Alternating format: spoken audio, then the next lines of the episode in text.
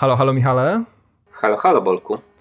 Witamy bardzo serdecznie w kolejnym odcinku, który ciągle, niezmiennie i cały czas nazywa się Ścieżka Dźwiękowa. Czy powiedziałem, że odcinek nazywa się Ścieżka Dźwiękowa, czy podcast nazywa się Ścieżka Dźwiękowa? To, to, to, już nieważne, wszystko się nazywa ścieżka Wszystko nazywa się ścieżka dźwiękowa, tak jak wszystko jest Tomem Cruzem, bo między innymi o tym dzisiaj e, rozmawiamy. E, dzisiaj tematem są dwa bardzo męskie filmy, Michał. Co będzie się wydarzać? Będzie się wydarzać e, film Top Gun Maverick, bardzo, bardzo męskie kino z, z Hollywood i będą też mężczyźni Alexa Garlanda E, którzy to co prawda mają jakąś tam kobietę na pierwszym planie, no ale to też taki e, wielomęski, e, nie mylić z wielkomiejskim filmem. Tak, dzisiaj proszę Państwa zapraszamy na bardzo męski odcinek. Zapraszamy.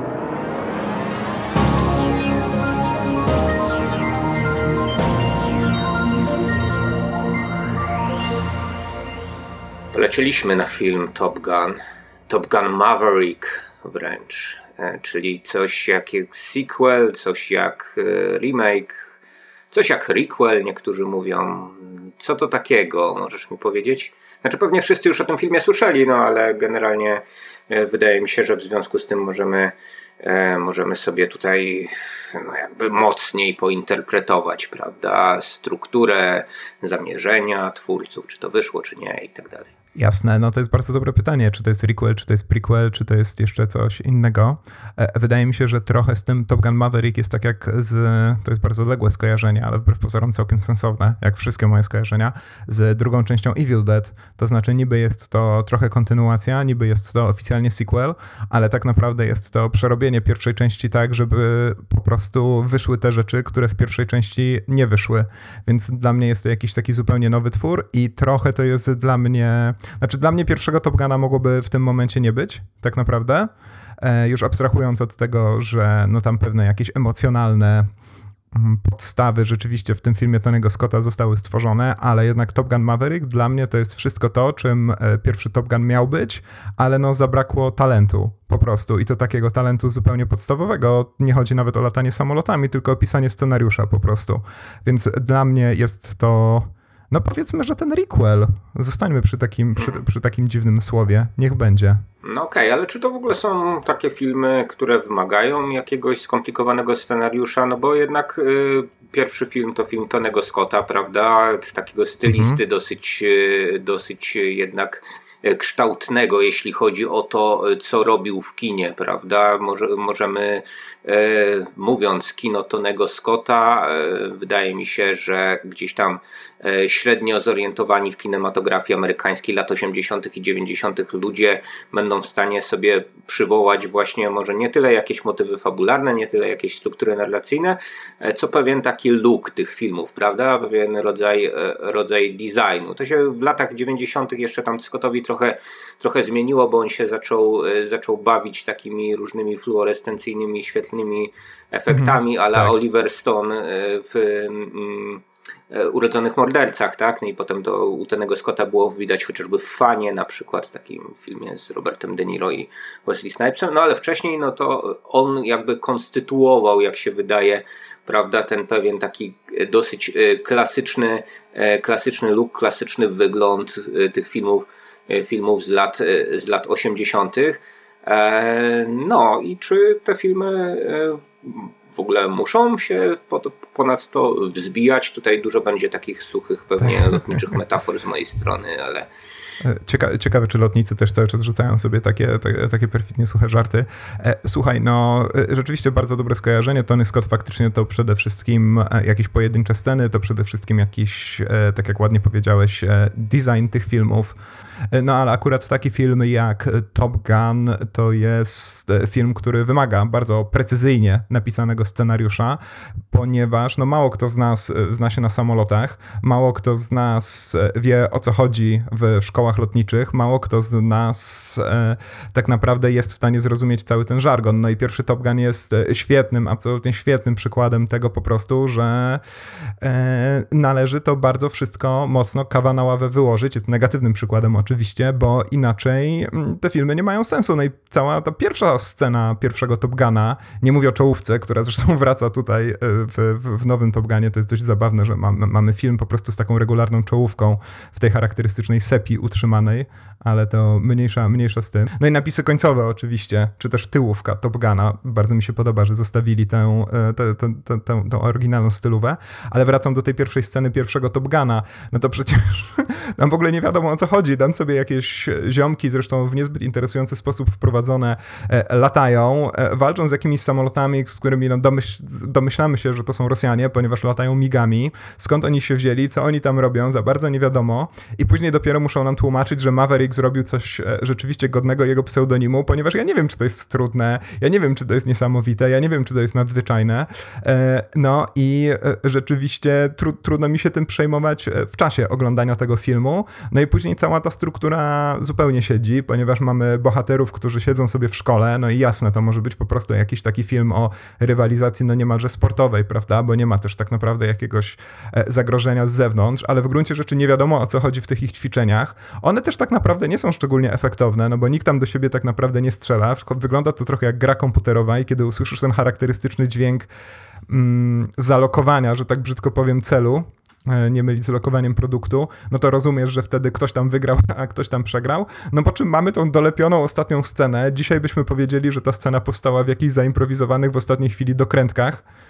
E Michał, zawiesiłeś mi się, jesteś tam? Jesteś tam? Jestem teraz spanikowany jak e, Maverick, kiedy, kiedy, kiedy przestał mu odpowiadać. O nie, Michał zniknął, proszę państwa, zniknął z radaru, chciałoby się powiedzieć. O, odzyskałem cię, Michał. Michał, jesteś ze mną? Jesteś z nami? Mm, nie wiem, nie wiem. Tutaj łączność e, w ogóle między, międzystanowa, między, Rozumiem. międzynarodowa, międzyplanetarna mniej więcej tak jak w latach 80. Tak, tak, tak nam tak. funkcjonuje, więc e, nie tylko tutaj się z, z, za pomocą satelitarnych jakichś telefonów, prawda, wyciąganych z wielkiej walizy z 20-kilową baterią musimy się łączyć, więc, więc może być trudno. Dokładnie, a ja, a, ja, a ja jestem też w strefie nieba czy kosmosu, która jest już zawalona przez różne e, latające satelity Elona Muska, więc jest tak naprawdę nawet gorzej niż w latach 80., ale dobra, hmm. tu tylko skończę tę moją długą wypowiedź o filmie Top Gun, no i na końcu mamy tę scenę właśnie dolepioną zupełnie znikąd, w której już rzeczywiście mniej więcej wiadomo o co chodzi, ale skąd ona się wzięła? No chyba stąd, że ktoś zorientował się nagle, że nie ma w tym filmie żadnego zagrożenia, nie ma w tym filmie żadnej stawki e, i musimy dołączyć jeszcze te kilkanaście minut latania i strzelania do migów. E, w nowym Top Gunie tego już na szczęście nie ma. E, Józef Kosiński też jest takim twórcą, którego gdzieś tam możemy kojarzyć pewnie z bardzo wyrazistą plastyką, prawda? No bo to jest autor i filmu Oblivion z Tomem Cruzem zresztą, zresztą, autor, tu oczywiście nie w tym europejskim, francuskojęzycznym znaczeniu, tylko po prostu facet, który nakręcił ten film. E, no i filmu... Po polsku Niepamięć. Niepamięć. Tak, tak, tak. Z Olgą Kurylenko bodajże jeszcze. E, I filmu e, Tron Dziedzictwo, tak? Tron Legacy, czyli filmu, który tak. no co prawda może nie tworzy od podstaw tej takiej swojej bardzo charakterystycznej identyfikacji wizualnej, że powiem takim językiem reklamowym, ale faktycznie jest ona tam niezwykle mocno zaznaczona, więc w... No on jeszcze, on jeszcze zrobił taki podobno dobry film o strażakach, podobno bo go nie widziałem, Only the Brave to się nazywa, tak, sprzed paru lat, więc, więc, więc do, do nadrobienia zrobił. E... Nadrobię z przyjemnością. Oczy, o, o, o, takiego nowego stylista znowu mamy i takiego, który no jednak też właśnie remakeował, no bo ten tron coś z lat 80. No, no powracają legendy, prawda? No chociaż tak naprawdę największą legendą, no to tu jest przecież przecież e, Tom Cruise, prawda? I to jest jego film, i to jest e, on w tytule, tak? To tutaj na, nawet tak. nie wiem, czy można byłoby więcej dołożyć e, sympatycznemu Tomkowi, prawda, niż. Pierwszy od czasu Jerry'ego Maguire'a, nie? Taki, taki tytuł. E, nie, Jack Reacher jeszcze był. No tak, tak. Wydaje mi się, wydaje mi się, że jako, I urodzony że, 4 lipca. E, Film, filmy z Tomem Cruzem to osobny gatunek, prawda? To jednak, e, to jednak on często będzie dostawał tytułowego bohatera, że tak powiem, tak? Więc więc no mamy, te, mamy, mamy tego Toma Cruza, na, który, na, którego, na którego plecach się wiezie ten cały film, no ale pytanie, czy on właśnie leci na skrzydłach nostalgii, prawda, tylko i wyłącznie, czy też E, gdzieś tam ma, e, ma swoje kółka. Jak ci się ten e, trochę już tak negatywnie się ustosunkowując do tego pierwszego filmu za panem drugiego, tak, że jednak no, uznajesz właśnie, że, że ten film prawda, po całości o tego, tego A propos Toma Cruza, o którym wspomniałeś i do którego pewnie, my, pewnie będziemy wracać mniej więcej co 3 sekundy, no to w, na tym seansie, na którym ja byłem, Tom Cruise w ogóle dokonał wprowadzenia do tego filmu, nie osobiście, co prawda, e, czego niezwykle żałuję, ale faktycznie wyświetlił się Tom Cruise na wielkim ekranie, siedzący w kinie, aż się rozejrzałem, czy gdzieś nie siedzi obok mnie. Swoją drogą Tom Cruise e, prawie bez e, takiej filmowej charakteryzacji, więc wyglądał zdecydowanie bardziej niż w filmach na swój wiek. E, jest troszkę takim skrzyżowaniem właśnie tego e, filmowego Toma Cruza z Robertem Redfordem, powiedzmy. No i faktycznie zaprosił mnie na ten film, mówiąc, że pracowali na niego bardzo długo, że wszystko to, co widzimy na ekranie, to są prawdziwe przeciążenia, prawdziwe akrobacje, no i ma nadzieję, że dostarczy nam bardzo, bardzo dużo, bardzo dużo rozrywki. No i to trochę tak jak Roman Polański, gdzieś tam w tych um, nieustraszonych pogromcach wampirów wprowadził ten zwyczaj e, pisania w czołówce jeszcze przed zaznaczeniem, kto jest reżyserem, że to jest a film by, prawda, czy tam Roman Polański z film, czy cokolwiek, no to Tom Cruise postanowił pójść tutaj jeszcze dalej, ponieważ jeszcze nawet gdzieś tam między zwiastunami a, a samym filmem postanowił się e, usadowić i zaprosić nas e, na film, obiecując wspaniałą rozrywkę, no i wyrażając swoją nadzieję, że może łaskawie nam, zwykłym śmiertelnikom się, się to spodoba. No ja wyobrażam sobie takiego zmultiplikowanego Toma Cruza, e, który będzie figurował nam w końcu w jakimś filmie w napisach, że Tom Cruise przedstawia Toma Cruza w roli Toma Cruza, Cruise. Więc będziemy... Tylko niestety Nicolas Cage go już trochę uprzedził. Jean-Claude Van Damme go uprzedził, tej, tak, to... E, tak, no ale, ale, wciąż, ale, no ale wciąż wydaje mi się, że to nie ten kaliber z całym szacunkiem dla yy, właśnie Mikołaja Klatki, prawda, że jednak, jednak jeżeli Tom Cruise zrobi film o sobie, no to no to wówczas klękajcie narody, prawda? Też każdy film z Tomem Cruise'em jest trochę filmem o, o samym Tomie Cruise, to trochę jak The Rock, prawda? Są tam pewne no, charakterystyczne no tak tropy, to... które, które powracają za każdym razem.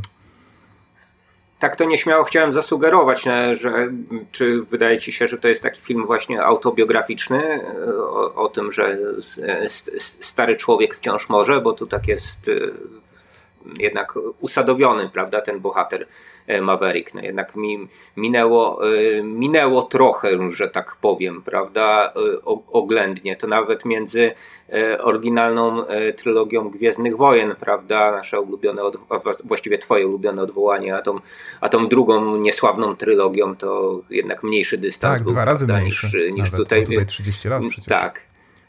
Więc, więc my jakiś czas temu mówiliśmy sobie, no kto tego awatara będzie pamiętał, prawda, po 10 latach. Natomiast y, no, okazuje się, że nie wiem, no publiczność jakoś pamięta Top Guna, albo po prostu może nie pamięta, ale jakiś mit tego filmu gdzieś tam, e, gdzieś tam krąży, a może po prostu jednak idzie na ten film z Tomem Cruzem, prawda? W roli Toma Cruza. Tak, ta autobiograficzny aspekt tego filmu jest e, rzeczywiście bardzo wyraźny, no bo pamiętamy przecież, że Tom Cruise znany jest z tego, że on raczej unika efektów komputerowych, unika e, kaskaderów. Pamiętamy, że przecież niedawno nawet nasz polski most chciał wysadzić tylko po to, żeby efektownie to wyglądało na ekranie.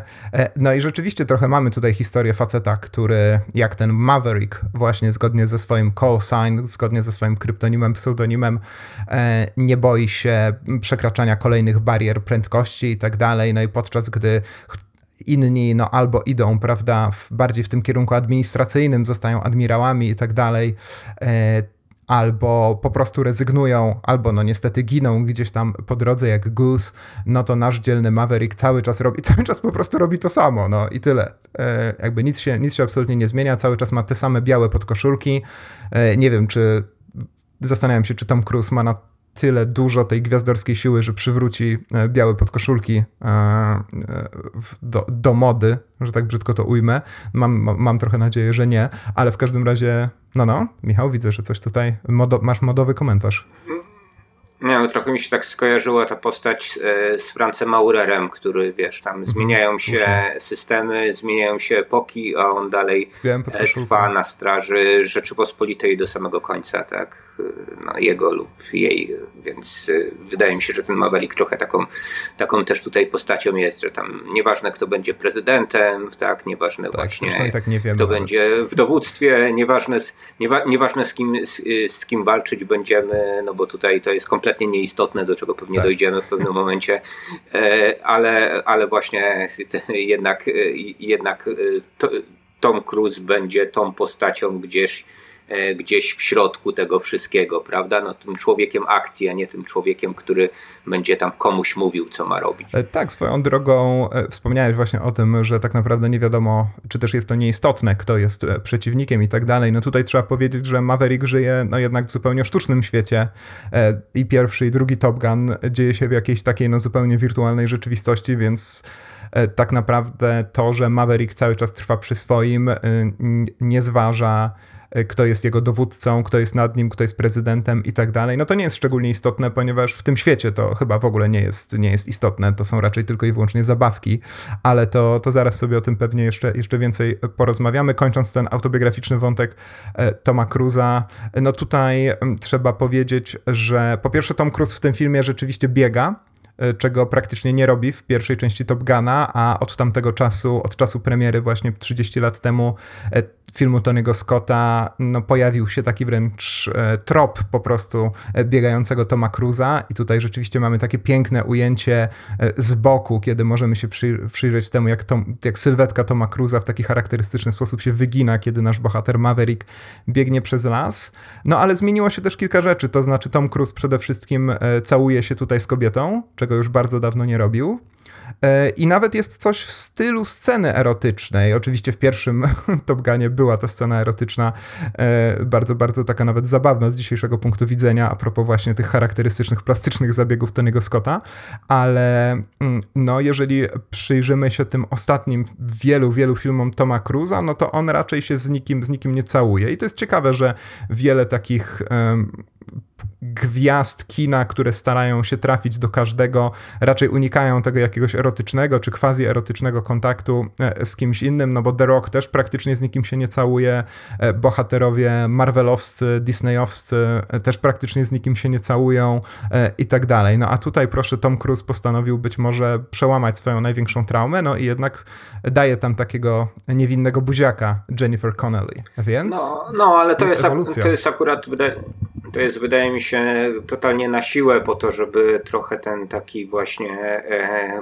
gejowski nawis, jaki na tym filmie powstał, y, tutaj, tutaj zredukować i wydaje mi się, że ten wątek romantyczny, mm. no możemy o tym za moment powiedzieć, ale no jest dosyć, y, e, dosyć, dosyć mikry i, no i dosyć wątły i napisany do, tak wydaje mi się kompletnie, e, kompletnie na siłę. Ja tylko chciałem wrócić do tej, do tej postaci, -hmm. dlatego że tu w pewnym momencie jest mowa o tym, że on w zasadzie umie tylko y, pilotować samolot, znaczy tylko jaż, prawda, no bo jest najszybszym człowiekiem na Ziemi, tak, tak wszystko z tym samolotem, mhm. samolotem jest w stanie zrobić, niezależnie jaki to jest samolot, nawet jeżeli to jest ten z lat 80., to on jeszcze tam jakoś napych go tak, odpali. Tak, tak? piękny. No, mhm. ale, Dobrze, że wszystko. Natomiast... Mhm. Mów, mów, proszę.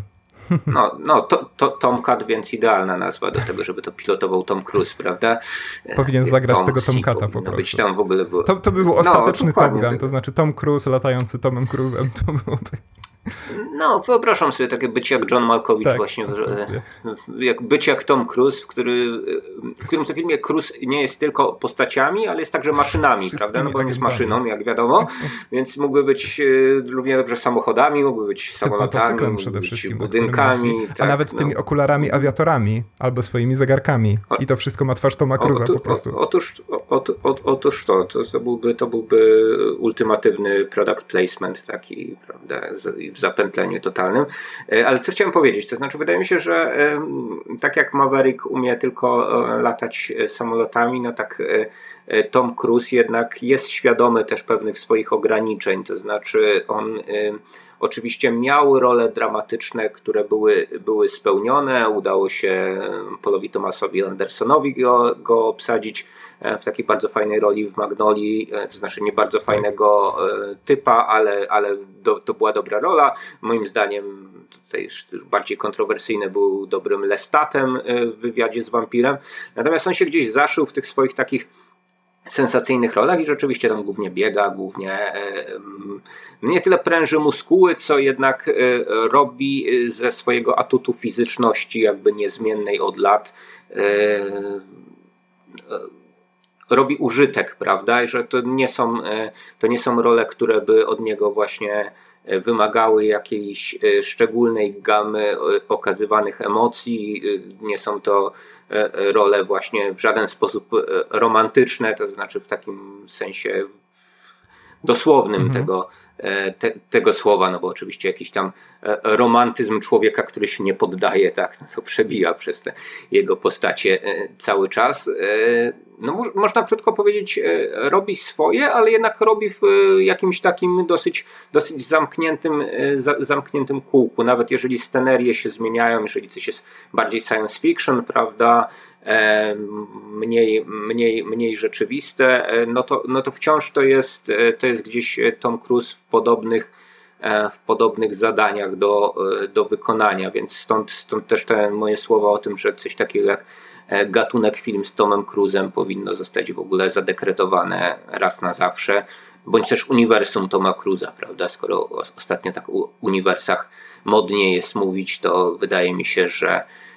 koniec końców no, moglibyśmy złożyć z tych, z tych wszystkich filmów w zasadzie z ostatnich e, dwóch dekad jego takie właśnie zupełnie prywatne, specyficzne uniwersum. E, tak, aczkolwiek tu trzeba podkreślić e, tą jedną z niewielu porażek Toma Cruza ostatnich lat, to znaczy faktycznego film, filmowego uniwersum, czyli tego uniwersum potworów uniwersalu, uch, bardzo trudno to powiedzieć, dużo R, nie udało mu się odpalić wraz z filmem Mumia, prawda? Nawet, nawet Tom Cruise ze swoją niesamowitą charyzmą nie był w stanie tego unieść, niestety. No ale on się tam wydawał właśnie jakimś takim ciałem obcym, Absolutnie, tak? Właśnie tak. wydaje mi się, że, że, że on nie powinien się wikłać w tego typu projekty, no i chyba już, już nie będzie. Chyba jak raz się sparzył, to już sobie z tym, e, myślę, tutaj da spokój e, zupełnie. Co nowego w tym filmie jest z, z uniwersum Toma Cruza, to wydaje mi się, że ten motyw jego starzenia się jednak, że ja jakoś nie przypominam sobie, żeby to było dotknięte w tych jego wcześniejszych E, projektach. Nie wiem, czy ktoś Itanowi Huntowi powiedział, że a, jesteś stary, to już, ty już nie biegaj. Być prawda? może, być może. Nie, wdrap, nie wdrapuj na Burcz Khalifa. Znaczy, może powiedział, może e, to jest takie tak pytanie, że, e, ale mhm. dostał za swoje w takim razie, prawda? No bo e, znowu Mission Impossible, zresztą kolejne Mission Impossible ma podtytuł, podtytuł Dead Reckoning, czyli zostajemy cały czas w tych lotniczych klimatach, co ciekawe. I rzeczywiście przecież większość z tych filmów polega na tym, że Tom Cruise młodszym od siebie pokazuje, że no właśnie, ciągle może. Jest to, tak jak ładnie zauważyłeś, w jakiś sposób pięknie romantyczne. E, tutaj jeszcze a propos właśnie tego autobiografizmu, czy może autobiografizmu bardziej w cudzysłowie Toma Cruza, wracamy do jeszcze jednego bardzo ważnego aspektu Toma Cruza z lat 80., to znaczy Tom Cruise znowu jest niziutki. Tom, Top Gun to jest pierwszy od bardzo dawna film z Tomem Cruzem, w którym e, nasz aktor, no właśnie, czy też właściwie wszyscy, wszyscy wokół niego, nie stają na rzęsach, e, żeby udawać, że Tom Cruise jest wyższy od wszystkich wokół. No być może tutaj jak zobaczyli Milesa Tellera na planie, pamiętając, że ma być on synem Gusa też, to po prostu się poddali i stwierdzili, że absolutnie nie uda się tego zrobić.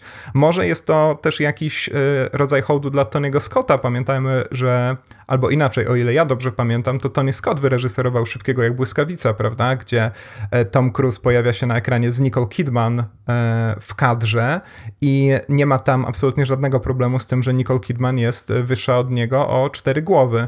Później gdzieś tam coś się przestawiło u Toma Cruza, raczej niczym Humphrey Bogart musiał stawać zawsze na jakimś pudle, albo jego partnerki stawały w dziurze w ziemi, żeby wydawać się niższe A tymczasem tutaj w tym nowym Top Gunie Maverick jest niziutki, co oczywiście jest z korzyścią dla jego zawodu jako pilota myśliwca. Zakładam, że tam im jesteś niższy, tym lepiej. E, ale było to dla mnie niejakie zaskoczenie, ponieważ nie pamiętam, żeby Ethan Hunt na przykład e, był e, jakoś wyraźnie niższy od swoich różnych dziewcząt lub partnerek i partnerów w serii Mission Impossible. Podobnie z Jackiem Richerem, prawda, który w ogóle powinien być ogromny, a zagrał go przecież ten mikroskopijny Tom Cruise. A tutaj, proszę, znowu wracamy do jakichś korzeni. Tom Cruise jest na tyle już po prostu pewny siebie, wreszcie po 40 latach niesamowitej kariery, że decyduje się tego nie ukrywać.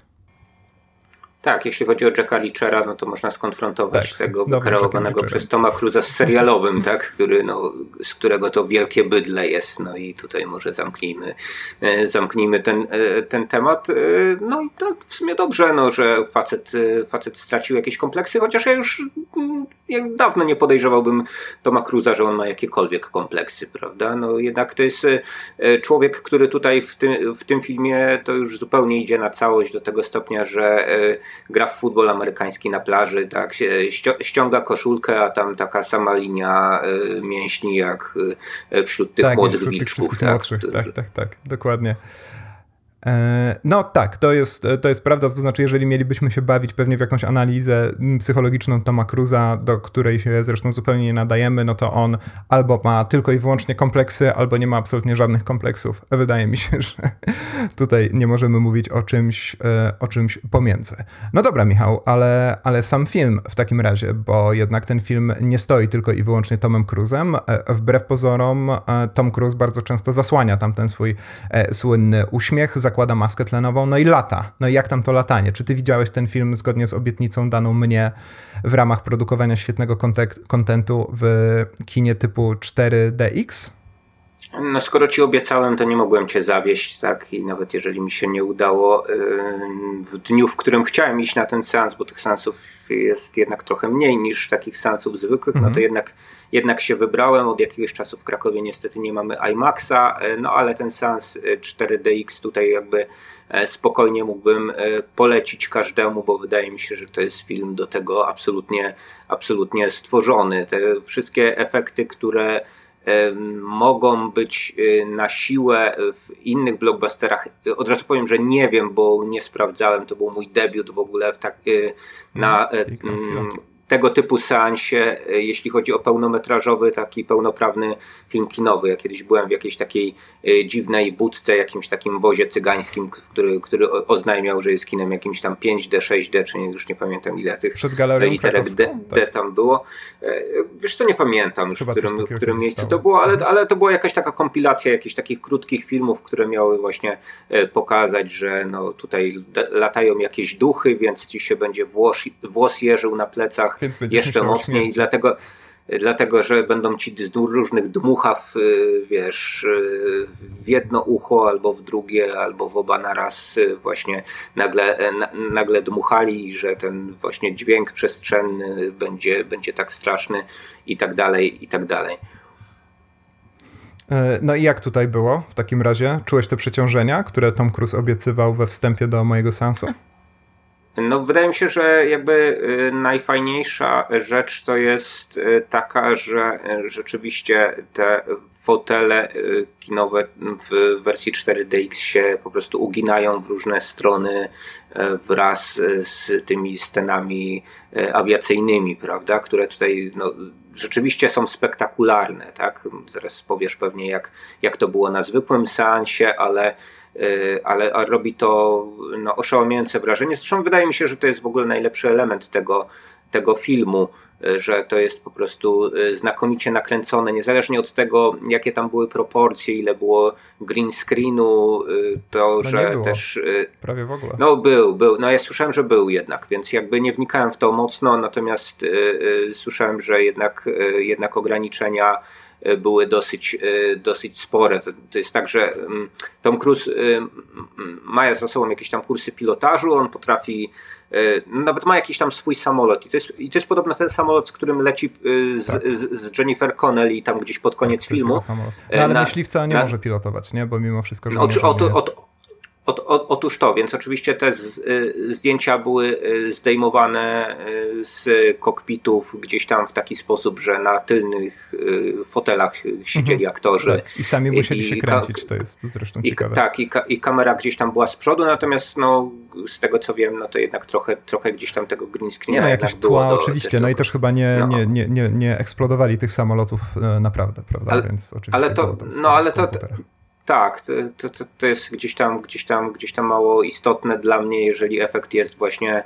e, tak oszałamiający, prawda? Dlatego, że niezależnie od tego, czy będziemy ten film kręcić w szopie na narzędzia, czy będziemy go właśnie e, kręcić jak e, Christopher Nolan przykazał, prawda? Demolując rzeczywisty sprzęt wojskowy, no bo przecież inaczej się nie da, panie tak. Krzysiu Nolanie, tak? To są, to są e, no, radzieckie no, filmy z lat 70. Tutaj jak potrzebujemy armii, to musimy po prostu zatrudnić 100 tysięcy ludzi i tyle.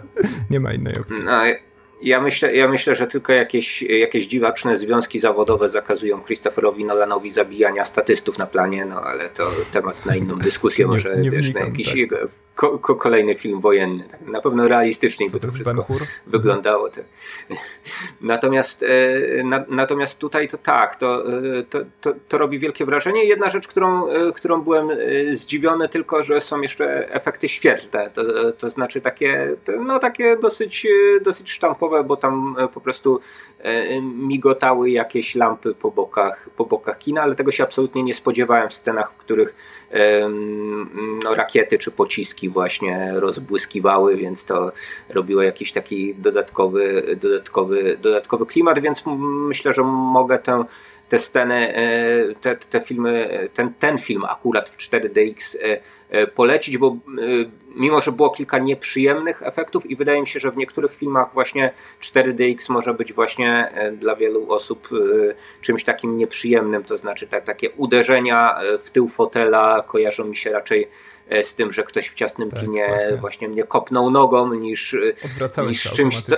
i krzyczałeś. E, tak, tak raczej, raczej mnie to wybija z oglądania filmu niż bardziej wciąga, tak, niż zapewnia jakąś większą imersję niż. w fotel, rozumiem. Dokładnie, dokładnie. No ja chcę być wbijany w fotel tylko od tej frontowej strony. Jeżeli coś się tam dzieje z tyłu, no to, no to jest to dla mnie podejrzane jako dla paranoika wrodzonego.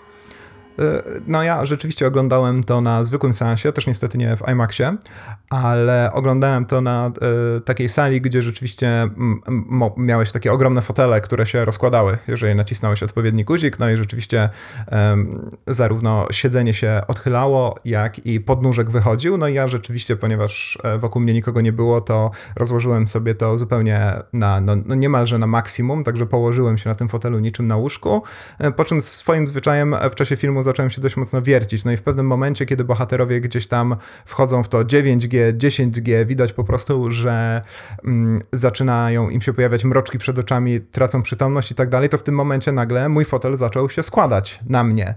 I nie wiedziałem, co się dzieje. Też myślałem, że po prostu to jest jakiś specjalny efekt y, i zaczynam czuć to przeciążenie na samym sobie. Zacząłem troszkę panikować. No po czym okazało się, że przez to wiercenie po prostu gdzieś tam e, udem czy kolanem e, trafiłem w taki guzik, który z kolei składał to siedzenie, więc też miałem taki e, efekt, efekt 4, e, 4DX, e, choć zupełnie niezamierzony. Swoją drogą ciekawą, ciekawostką z tego seansu w kinie amerykańskim jest to, że oprócz oczywiście miliona zwiastunów są też klasycznie jak u nas reklamy. No i bardzo ciekawie ogląda się te reklamy z różnymi gwiazdami kina w roli głównej, którzy reklamują takie bardzo mało szlachetne rzeczy, tak jak to u nas bywa, prawda? Więc jest jakiś Iwan McGregor, który reklamuje bodajże jakąś sieć telefonii komórkowej, jest J.K. Simmons, który jest twarzą jakiejś firmy sprzedającej używane samochody czy coś takiego, e, więc troszkę tracą tej gwiazdorskiej magii po prostu, te gdzieś tam wielkie gwiazdy z zachodu. Jest to, jest to, jest to dość e, zabawne doświadczenie. No to, no to pewnie w Japonii pod tym względem tak, jest jeszcze tak, gorzej, oczywiście. prawda? To znaczy tak jak, jak, jak to między słowami Sofia Coppola portretowała, no to rzeczywiście miało miejsce w rzeczywistości, tak? To znaczy niekoniecznie Bill Murray tam musiał musiał whisky reklamować, no ale na przykład już, już Orson Welles takie reklamy. No tak, to można je znaleźć na, na YouTubie, zresztą jest to bardzo dużo radości. No i tak, no ogólnie rzecz biorąc te sceny lotnicze rzeczywiście zapierają dech, ale one zapierają dech w dużej mierze dlatego, że można zrozumieć o co w nich chodzi. To znaczy bardzo mi się podoba w tym drugim Top Gunie to, że tam mamy po prostu bardzo prostą, napisaną na kolanie, ale jednak fabułę. E, jest ona trochę zabawna, ponieważ polega to wszystko na tym, że nasz główny bohater Maverick musi przygotować swoich bohaterów do odegrania e, końcowych scen z filmu Gwiezdne Wojny. To, jest, to było moje pierwsze skojarzenie. I... No to jest y, skojarzenie większości ludzi tak, chyba. Wydaje mi się, że, że, że, że, po prostu po, tutaj, tutaj scenarzyści nawet nie silili się, żeby jakoś, jakoś zamaskować tę gwiazdę śmierci bardzo mocno. Tak, trochę, trochę liczyłem, że kiedy ktoś mówi na to, że niemożliwe jest trafić w mm, tak, e, te, te, tak niewielką dziurę, ktoś tam właśnie powie, że e, strzelałem przecież do, do szczurów w moim T-16, prawda, i tak dalej, ale, ale no niestety e, aż, aż tak daleko nie poszli. No i wiesz, wiadomo do czego oni się przygotowują, wiadomo o co chodzi. Maverick ma bardzo konkretne przeszkody w postaci złowrogiego cyklonu, czy też cyklona Johna Hama. Musi gdzieś tam dalej naginać zasady i tak dalej. Jednocześnie jest jakaś tam emocjonalna stawka z Roosterem, tak? Zastanawiam się, czy cała rodzina Goose, Rooster i kolejne pokolenia będą też mieli jakieś takie em, e, ptasie pseudonimy po prostu. E, zresztą Goose w kontekście bycia pilotem to jest chyba lepszy pseudonim niż Kogut, no ale, ale, ale mniejsza z tym. E, no i rzeczywiście do, do, do tego wszystko to prowadzi. Później mamy tę misję, są komplikacje w czasie tej misji, no i jest koniec i tyle. A nie tak jak w pierwszej części, gdzie mamy intro, mamy Danger Zone, później mamy sceny szkolenia, w których bohaterowie w jakiś taki bardzo niezidentyfikowany sposób ze sobą konkurują. Znowu gra Danger Zone, po czym mamy Kenny'ego Logginsa oczywiście, e, po czym mamy dolepioną scenę końcową, znowu gra Danger Zone, napisy końcowe, do widzenia. Tutaj wszystko ma sens. Jest to sens banalny, e, jest to historia banalna, jest to historia też trochę denerwująca w kontekście tej postmodernistycznej abstrakcji, no bo przecież w pierwszej części jeszcze mogliśmy się domyśleć, że bohaterowie walczą z Rosjanami Ponieważ walczą przeciwko migom. Tutaj tymczasem nie wiadomo zupełnie o co chodzi, e, co jest trochę no jest to jakieś takie właśnie, też obniża, tak jak mówiłem na początku naszej rozmowy, chyba rangę tej samej historii Mavericka, no bo on jeżeli żyje sobie w wymyślonym świecie, to może sobie robić co chce, pewnie tak naprawdę. No ale nie mniej, wszystko zmierza do konkretnego punktu, są odpowiednie zwroty akcji, odpowiednie zaskoczenia i dzięki temu e, ja wiem, co się dzieje, no i do tego jest bardzo dużo ludzi, którzy mi tłumaczą, co się dzieje na ekranie. Więc ja rzeczywiście, tak jak pierwsza część rozpoczyna się od tej sceny, kiedy Maverick rzeczywiście um, gdzieś tam wykonuje taki dziwny manewr, kiedy pokazuje za przeproszeniem fakulca e, pilotowi miga, no to później dopiero ta nasza główna bohaterka kobieca, której imienia nie pamiętam, zresztą nie pojawia się w drugiej części, musi nam wytłumaczyć, że on zrobił jakąś niesamowitą rzecz, prawda? Co Mach coś tam, G coś tam, ty przy takim przeciążeniu zrobiłeś coś tam, naprawdę jesteś szalony. A ja bym wolał wiedzieć, że on jest szalony, kiedy mi nikt tego nie mówi jeszcze, prawda? No tutaj dru drugi film raczej nie ma tych problemów i to mi się, to mi się niezwykle podoba. Dlatego właśnie traktuję to jako requel, dzięki któremu pierwszej części Top Guna już tak naprawdę nie muszę ponownie oglądać. Zgadzam, że tutaj fabuła jest płaska jak naleśnik, że w zasadzie... Jak pas startowy. O, widzisz, kurczę, zabrakło mi tym razem e, odpowiedniej metafory. Dziękuję za do, dopowiedzenie. E, no i tak, i rzeczywiście mamy, mamy wszystko, wszystko objaśniane. Y, jakby niewiele jest y, rzeczy, które mogą nas y, w ogóle zbić z tego rytmu, tak? Wybić z tego, z, z, z tego rytmu oglądania. Wręcz to jest, to jest znowu taki wzorcowy blockbuster, podczas którego no, możesz wyjść po popcorn i kole, tak? No i możesz ewentualnie stracić jakieś spektakularne E, te sceny lotnicze, prawda? Możesz e, być pozbawiony jakichś tam takich właśnie e, wrażeń rodem z Luna Parku, natomiast no, nie, nie stracisz żadnego wątku, żadnej linii fabularnej na pewno. I tak, i to do pewnego stopnia rzeczywiście jest, jest atutem tego filmu. Ja, prawdę mówiąc, przyznaję się, że nie zdążyłem sobie odświeżyć poprzedniej części, więc nie mhm. pamiętam, jaki tam już chaos panował. Od, od, od, razu się też przyznaję, że, y, że to nie jest taki film, za którym bym jakoś specjalnie tęsknił, stąd też y, na siłę ja nawet właśnie nie, miałem nie starałem w głowie się. wspaniałą wizję mm. Top Guna pierwszego, bo ja ten film widziałem, wiesz, dawno temu na Polsacie i naprawdę wydawało mi się, że to jest jedno z największych osiągnięć kinematografii. E, no minęło też trochę czasu, także w mojej jakby ewolucji człowieka, który ogląda filmy i odświeżanie go to jednak niestety, jak to zresztą bardzo często bywa, było, było rozczarowanie. Więc w sumie cieszę się, że nie wróciłeś do niego. Mhm. E, to znaczy, to jest tak, że paru znajomych mnie odżegnywało od tego, mówiąc, że tutaj jest jakby wszystko przedstawione, to znaczy to, co było, no też ze względu na ten dystans, tak, wieloletni pomiędzy e, tak zwaną pierwszą częścią, a tak zwaną drugą, że e, wręcz wracają pewne sceny z poprzedniego filmu. Tak że y, tak naprawdę mm, być może oglądanie tego pierwszego filmu, a potem drugiego mm, wręcz wzmaga to uczucie y, skserowanej fabuły, czy, czy, czy pewnych ujęć, czy pewnych scen, tak, które gdzieś tutaj nam, e, nam powracają, więc y, pomny strasznego doświadczenia w moim życiu, jakim było obejrzenie animacji Piękna i Bestia dzień przed fabułą Piękna i Bestia, czyli dwóch złych filmów, jeden po drugim. E, no, starałem, starałem się już tego, tego właśnie e, nie powtórzyć.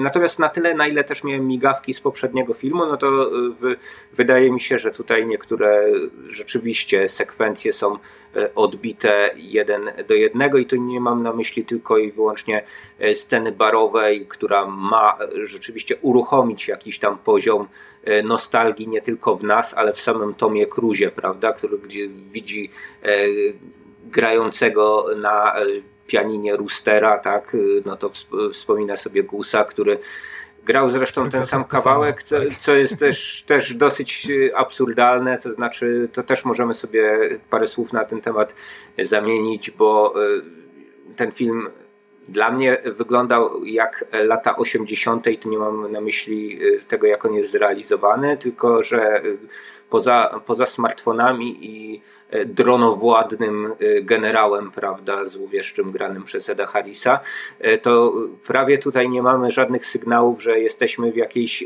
w jakiejś współczesności, tak? No, jest jakiś zakonserwowany bar, taka kantyna, w której grają tę samą muzykę, prawda, co lat temu 30 parę. No i generalnie też wydaje się, że te dzieciaki szkolone na superpilotów w zasadzie mają no, tak, tak, no tak, tak, no oni się doszkalają do, na megapilotów, prawda? Tak, e, mają, na mega to jest oficjalna gradacja w marynarce wojennej, na turbo megapilot.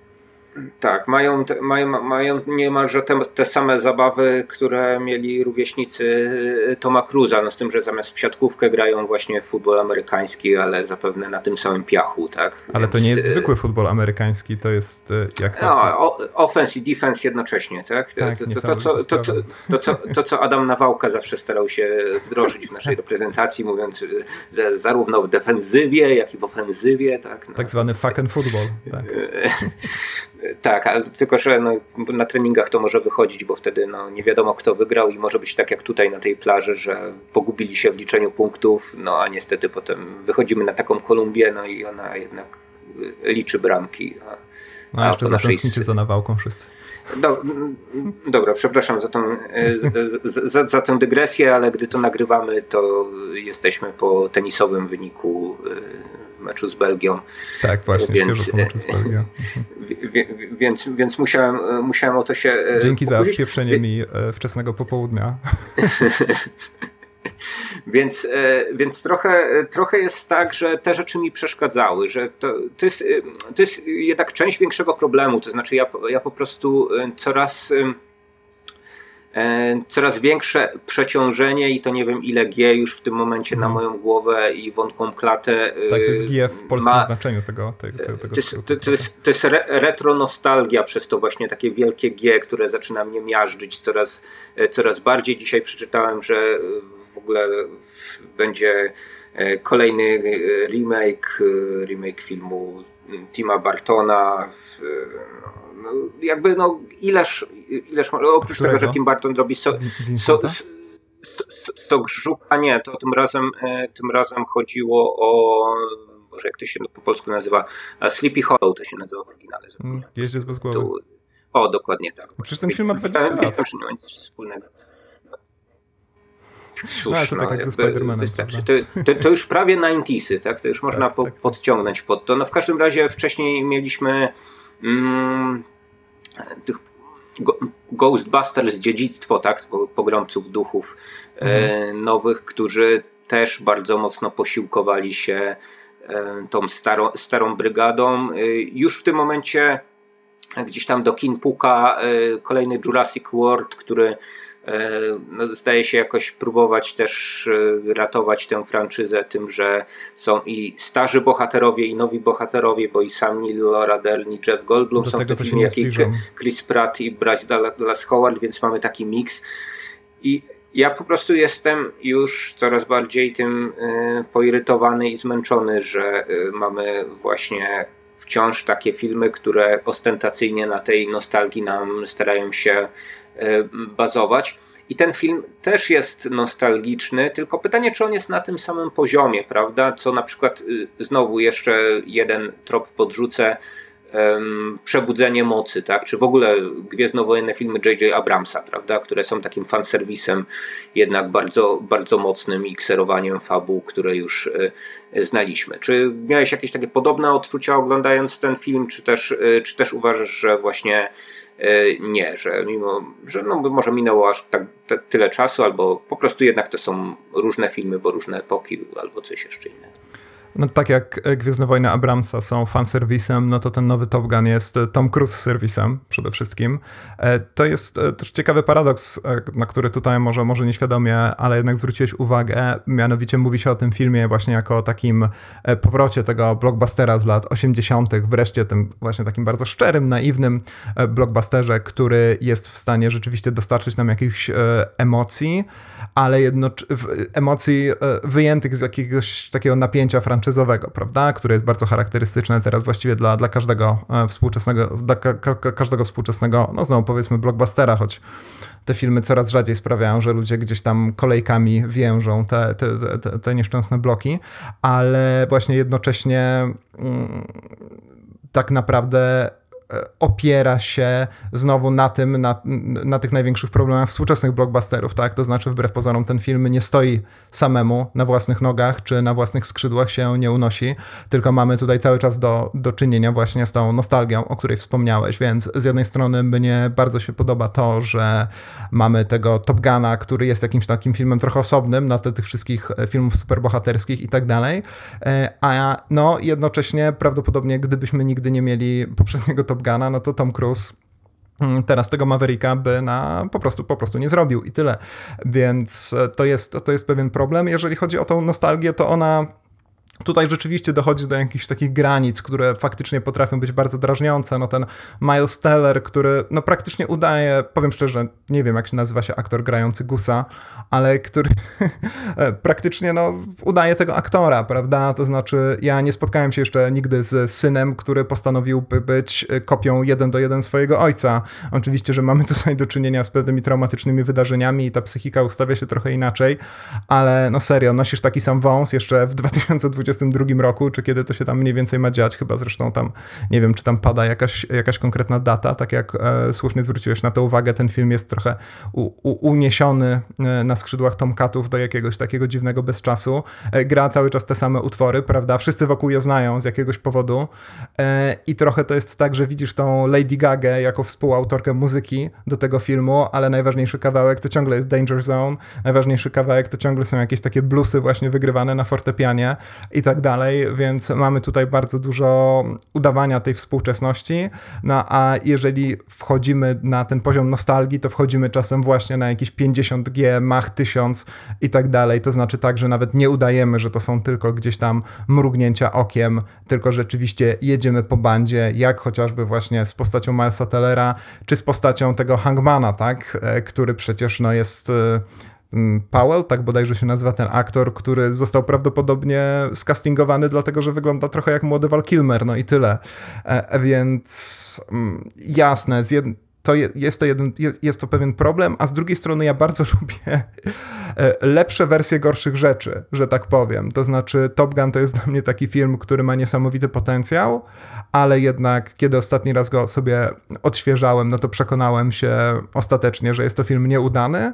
No i bardzo się, bardzo lubię, kiedy twórcy, zwłaszcza hollywoodzcy, z których duża część jednak nie grzeszy jakąś taką autorefleksją i przede wszystkim jakimś taki, taką e, umiejętnością dostrzegania detali, które warto skorygować, no tutaj rzeczywiście mm, udało się w jakimś takim bardzo fajnym, interesującym procesie zidentyfikować te podstawowe problemy oryginału i je po prostu naprawić, prawda? To nie jest trochę tak jak z Gwiezdnymi Wojnami Abramsa, gdzie no nie ma czego poprawiać przede wszystkim, e, tylko gdzieś tam na siłę usiłuje się to do, dostosować do nowego pokolenia. Tutaj mamy po prostu taką upgrade'owaną rzecz, tak? Tak jak tamto to był jakiś ten Tomcat F-14 czy cokolwiek to jest, nie znam się na tym, tak tutaj mamy już taki jakiś poważny samolot, który Antoni Macierewicz bardzo by chciał sprowadzić do Polski, ale mu się nie udaje, więc e, e, może właśnie ta idea poprawiania czegoś i to sukcesywnego, sukcesywnego, przepraszam, zakończonego sukcesem poprawiania czegoś sprawia, że jestem gdzieś bardziej tolerancyjny, jestem dla tej nostalgii. Ale rozumiem o co ci chodzi, bo jak tutaj nostalgia wchodzi, to ona wchodzi naprawdę mocno, w sensie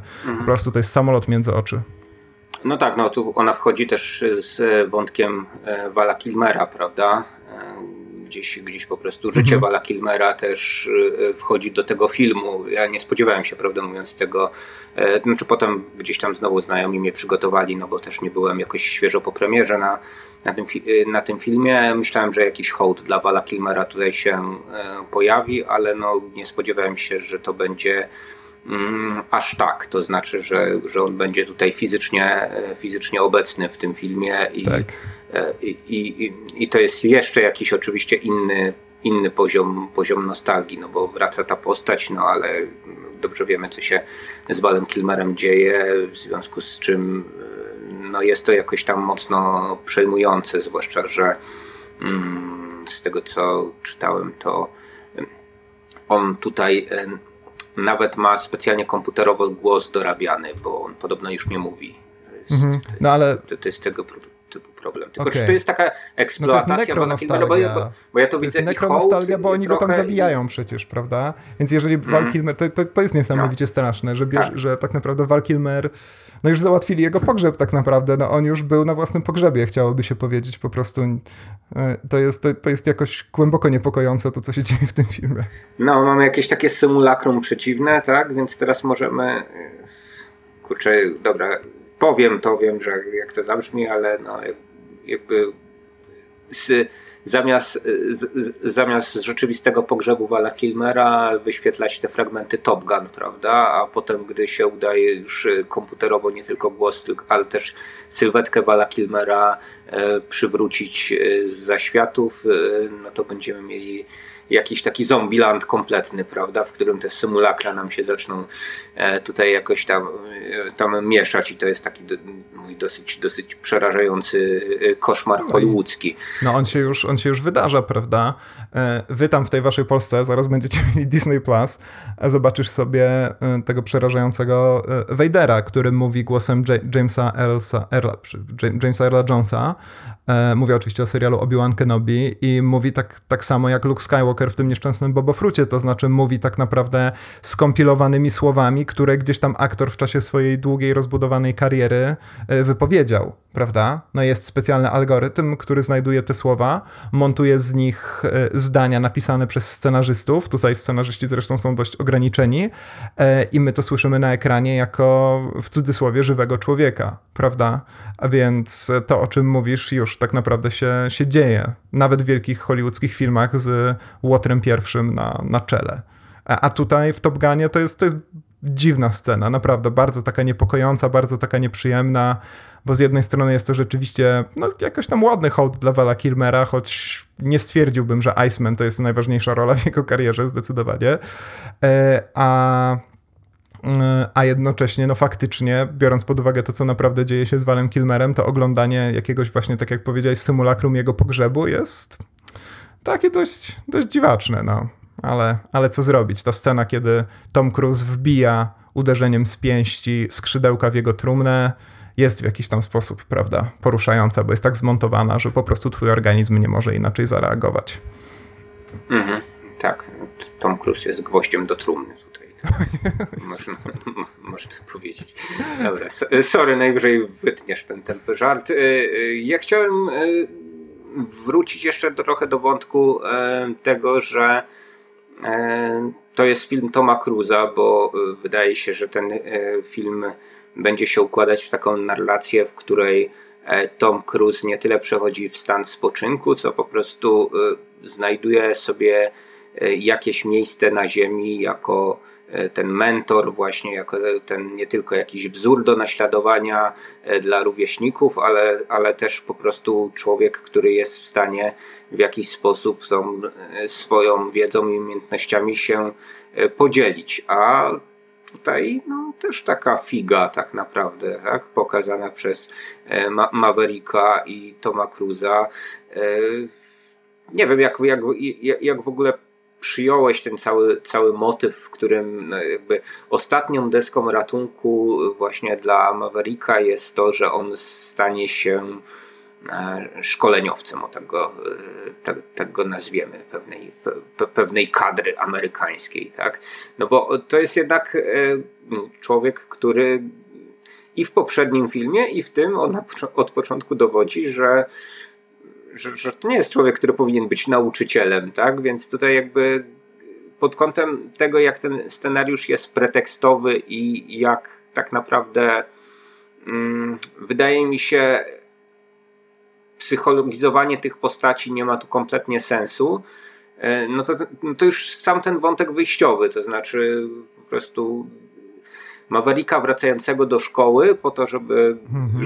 żeby kogoś tam uczyć, y, no nie ma tu kompletnie, kompletnie sensu, tak? No, wydaje no. mi się, że tu wszystko jest takie totalnie, totalnie pretekstowe, także jakby bohater musi trafić z punktu A do punktu B, albo musi wsiąść do tego samolotu, żeby ten film się wydarzył i wydarzyły się te spektakularne sceny, ale jeżeli mielibyśmy to rozpatrywać pod kątem jakiejś właśnie analizy narracji, analizy tego, jak, jak ten scenariusz jest skompilowany i, i tego, czy to, czy to ma e, sens pod względem właśnie psychologicznym, motywacji postaci i tak dalej, no to wydaje mi się, że tutaj wiele rzeczy nie ma sensu.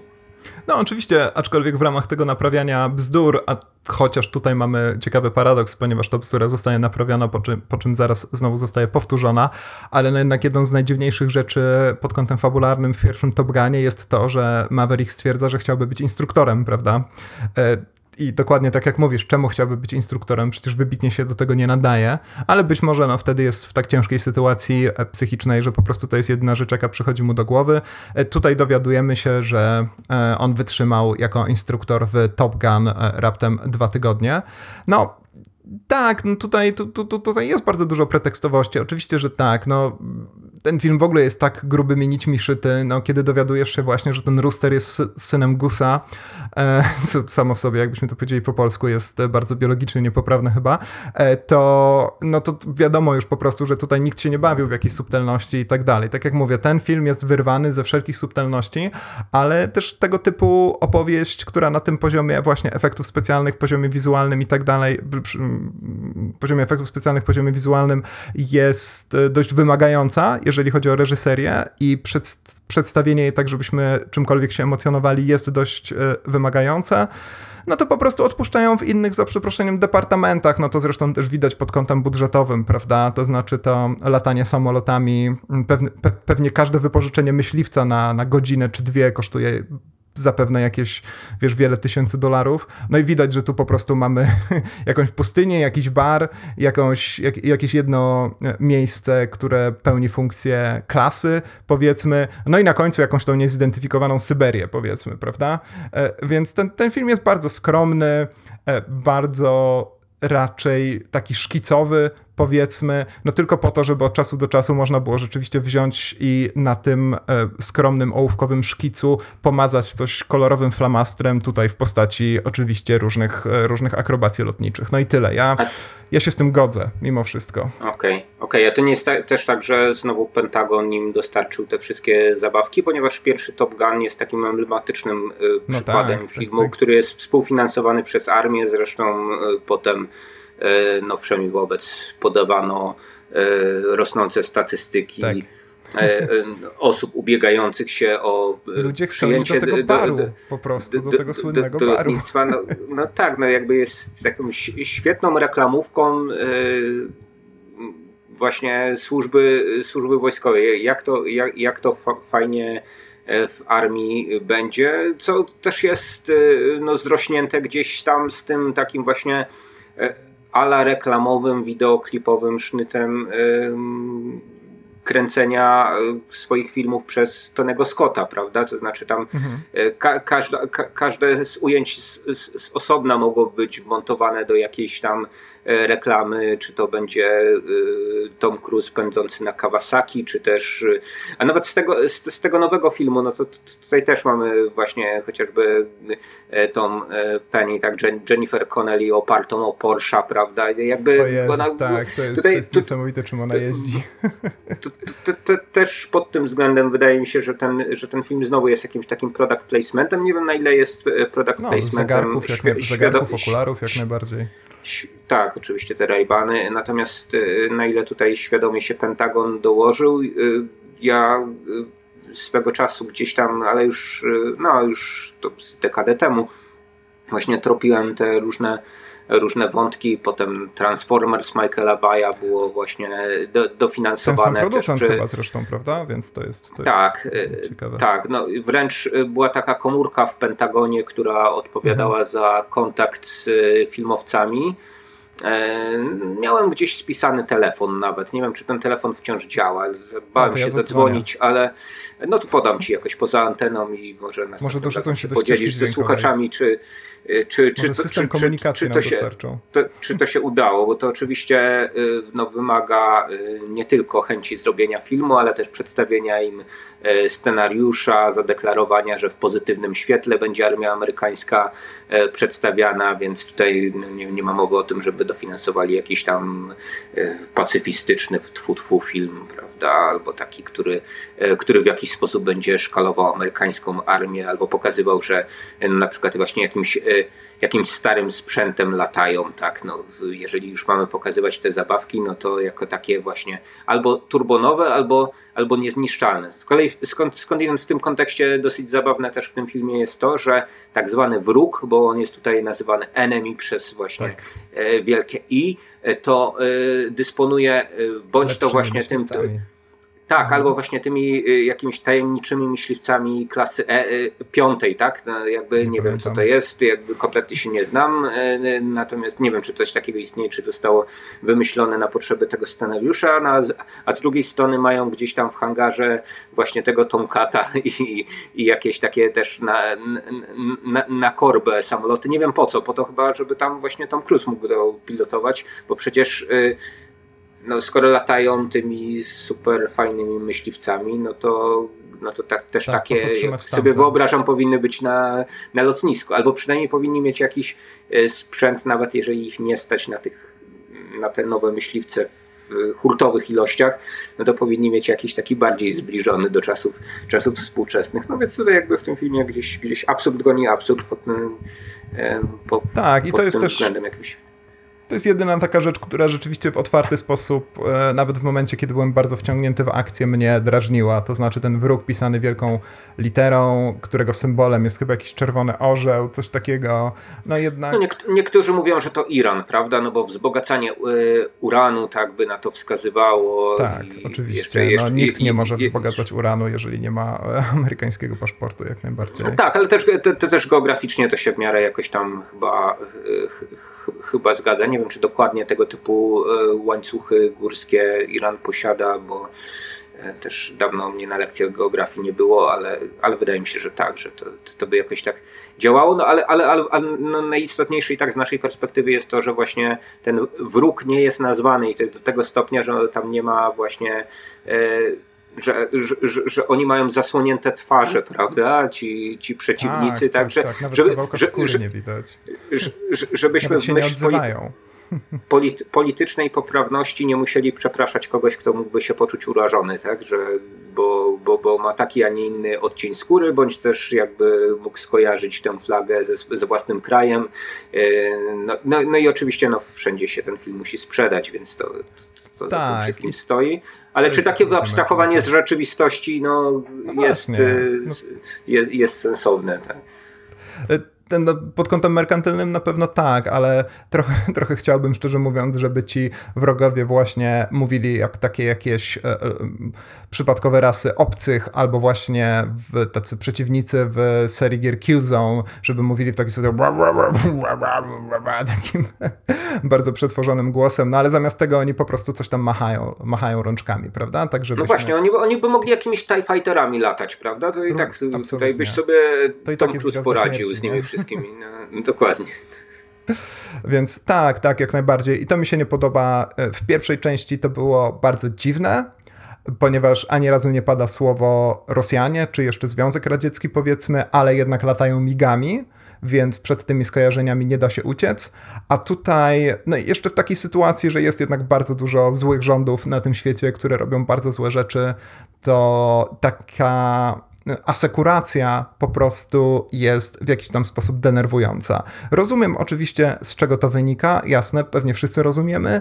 Niemniej, no bez przesady, już niemal niemal nie zdarzają się, z wyjątkiem może marvelowskich wynalazków, gdzie mamy tą tajemniczą hydrę, która oczywiście nie wiadomo, no nie ma żadnego chyba e, narodowościowego, najwyżej ideologiczne e, przyporządkowania, czyli gdzieś tam pewnie z tymi swoimi gdzieś tam nazistowskimi korzeniami, o ile dobrze pamiętam, ale no raczej raczej nie pamiętam, żeby jakikolwiek film bawił się w ten sposób. Z drugiej strony już mamy bardzo mało filmów poza Marvelem, prawda? Więc może zapomnieliśmy, jak, jak należy coś takiego robić. No ale tak, rynek jest jaki jest i nie możemy, nie możemy, nie, nie możemy przed tym uciec, zapewne. No, szkoda, to jest mój jedyny taki rzeczywiście poważny problem e, z, z tym filmem. Drugim może jest to, że zapomnieli zupełnie o aktorce, która ja teraz też wykazuję się podobną ignorancją, ponieważ nie pamiętam jak ona się nazywa, ale nie wzięto pod uwagę przecież bardzo ważnej postaci kobiecej z pierwszej, z pierwszej części, zamiast tego zatrudniając Jennifer Connelly, co jest bardzo fajne, ponieważ ja uwielbiam Jennifer Connelly i czasem bardzo fajnie jest ją zobaczyć po prostu w takim rasowym blockbusterze, z którym których ona nie jest koniecznie bardzo dobrze znana. E, ale no nie ukrywajmy, tutaj Tom Cruise po prostu znowu, tak jak w poprzednich filmach, ze sobą w roli głównej musiał znaleźć aktorkę, która albo sama z siebie, albo dzięki charakteryzacji no gdzieś tam nie będzie wyglądała na lat 20, żeby to nie było bardzo dziwne, ale jednocześnie, żeby ciągle pasowała do tych wszystkich hollywoodzkich standardów urody. Bo kiedy spojrzysz na aktorkę odgrywającą miłość Toma Cruza z pierwszej części, to ona wygląda po prostu jak kobieta w swoim wieku. Mhm, no to jest Kelly, Mag Kelly McGillis, która jednak y, no, wygląda drastycznie inaczej i to tak, tutaj nawet to, nie? to nie jest to, tak, ale, beautiful. Tak, ale, tak, ale no jakby stała się na moment jakąś taką memiczną postacią chyba no, w momencie właśnie produkcji Top Guna, tak, kiedy no, jakby gruchnął ten sygnał, że właśnie e, kręcą Top Gun i wtedy mhm. pokazano no, jak wygląda dzisiaj jak, jak wygląda dzisiaj Kelly McGillis, jak wygląda właśnie e, Tom Cruise, e, no zresztą, zresztą Meg Ryan też sporo się zmieniła, prawda? Więc, no, więc ona, ona, ona, też teoretycznie mogłaby, no też jakby trochę zrzucono na nią, jakby zdjęto też z barków Toma Cruza całą odpowiedzialność za to, że on coś tam mógł zrobić nie, zrobić nie tak, prawda? No bo jednak, jednak on był odpowiedzialny za to, żeby, żeby gdzieś tam wstrzymać pa, te papiery, tak? Więc o to ma pretensje właśnie Rooster grany przez... Tak, to też jest przy... bardzo zabawne, że zwalili to nie, na nieżyjącą Meg Ryan. No i to, to, to, to znowu z mojej perspektywy jest do, do, dosyć zabawne, bo co taki e, w ogóle e, Maverick tam miałby do gadania w tej sprawie, tak? No jeżeli to jest e, no, człowiek skra... pewnie, nie? skrajnie niesubordynowany, no okej, okay, no chyba że, chyba, chyba, że tak, dobra, to, to tutaj okay, jestem w stanie się zgodzić, że jakieś miał tam dojścia, prawda, miał jakieś kwity, tak, żeby, żeby pociągnąć, pociągnąć tę sprawę. No, natomiast to jest takie moim zdaniem znowu takie sztuczne budowanie konfliktu pomiędzy postaciami. No i ten, i ten scenariusz taki właśnie jest, to znaczy on jest z podręcznika właśnie mm, z, z początkującego scenarzysty, albo, albo inaczej, z podręcznika takiego scenarzysty, który chce robić dosyć jednak e, konwencjonalne filmy, tak? I tutaj od tych mhm. scenarzystów też mamy kilku.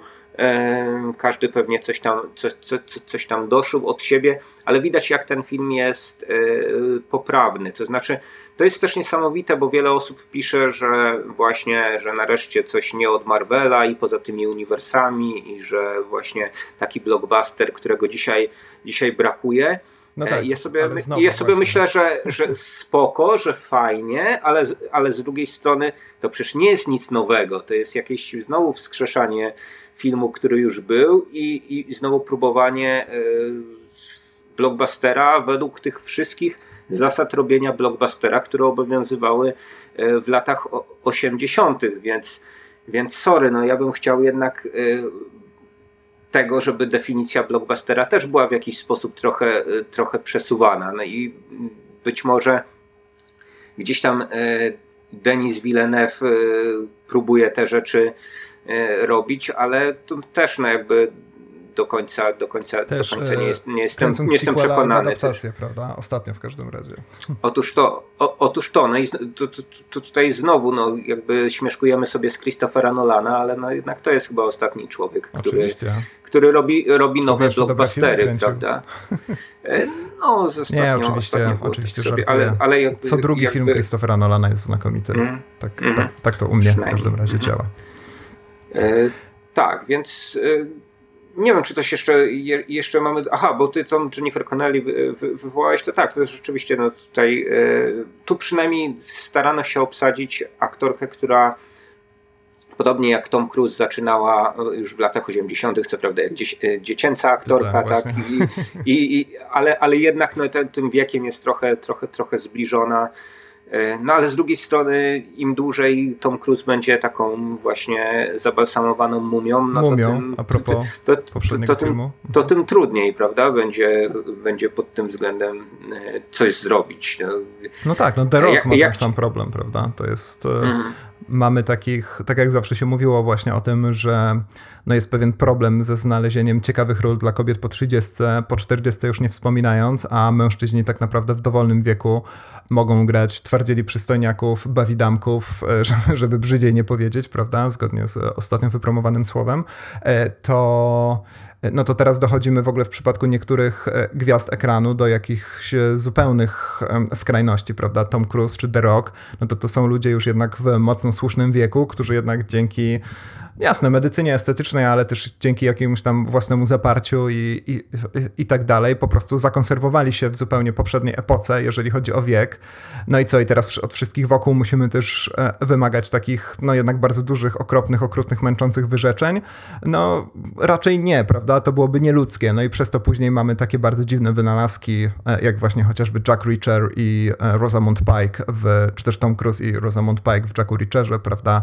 Czy jak Tom Cruise który, czy też Maverick znowu, który zupełnie zapomina o swojej ukochanej sprzed 30 lat, więc no, bardzo dziwne jest to takie międzypłciowe napięcie w tych najnowszych hollywoodzkich filmach. Pewnie warto by było się temu gdzieś, e, gdzieś przyjrzeć e, bliżej.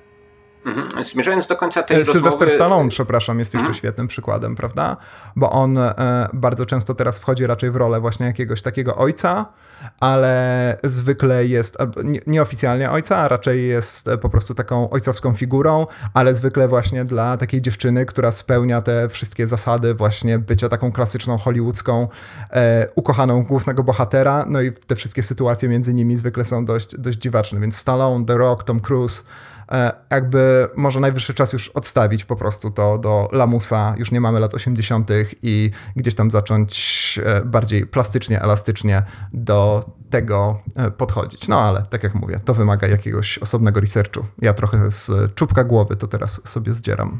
No wiesz, 90-paroletni Clint Eastwood w swoim ostatnim, mm. nie wiem czy nie ostatnim zupełnie filmie Cry Macho też w jakiś taki dosyć żałosny sposób tam y, obsadza się, w końcu.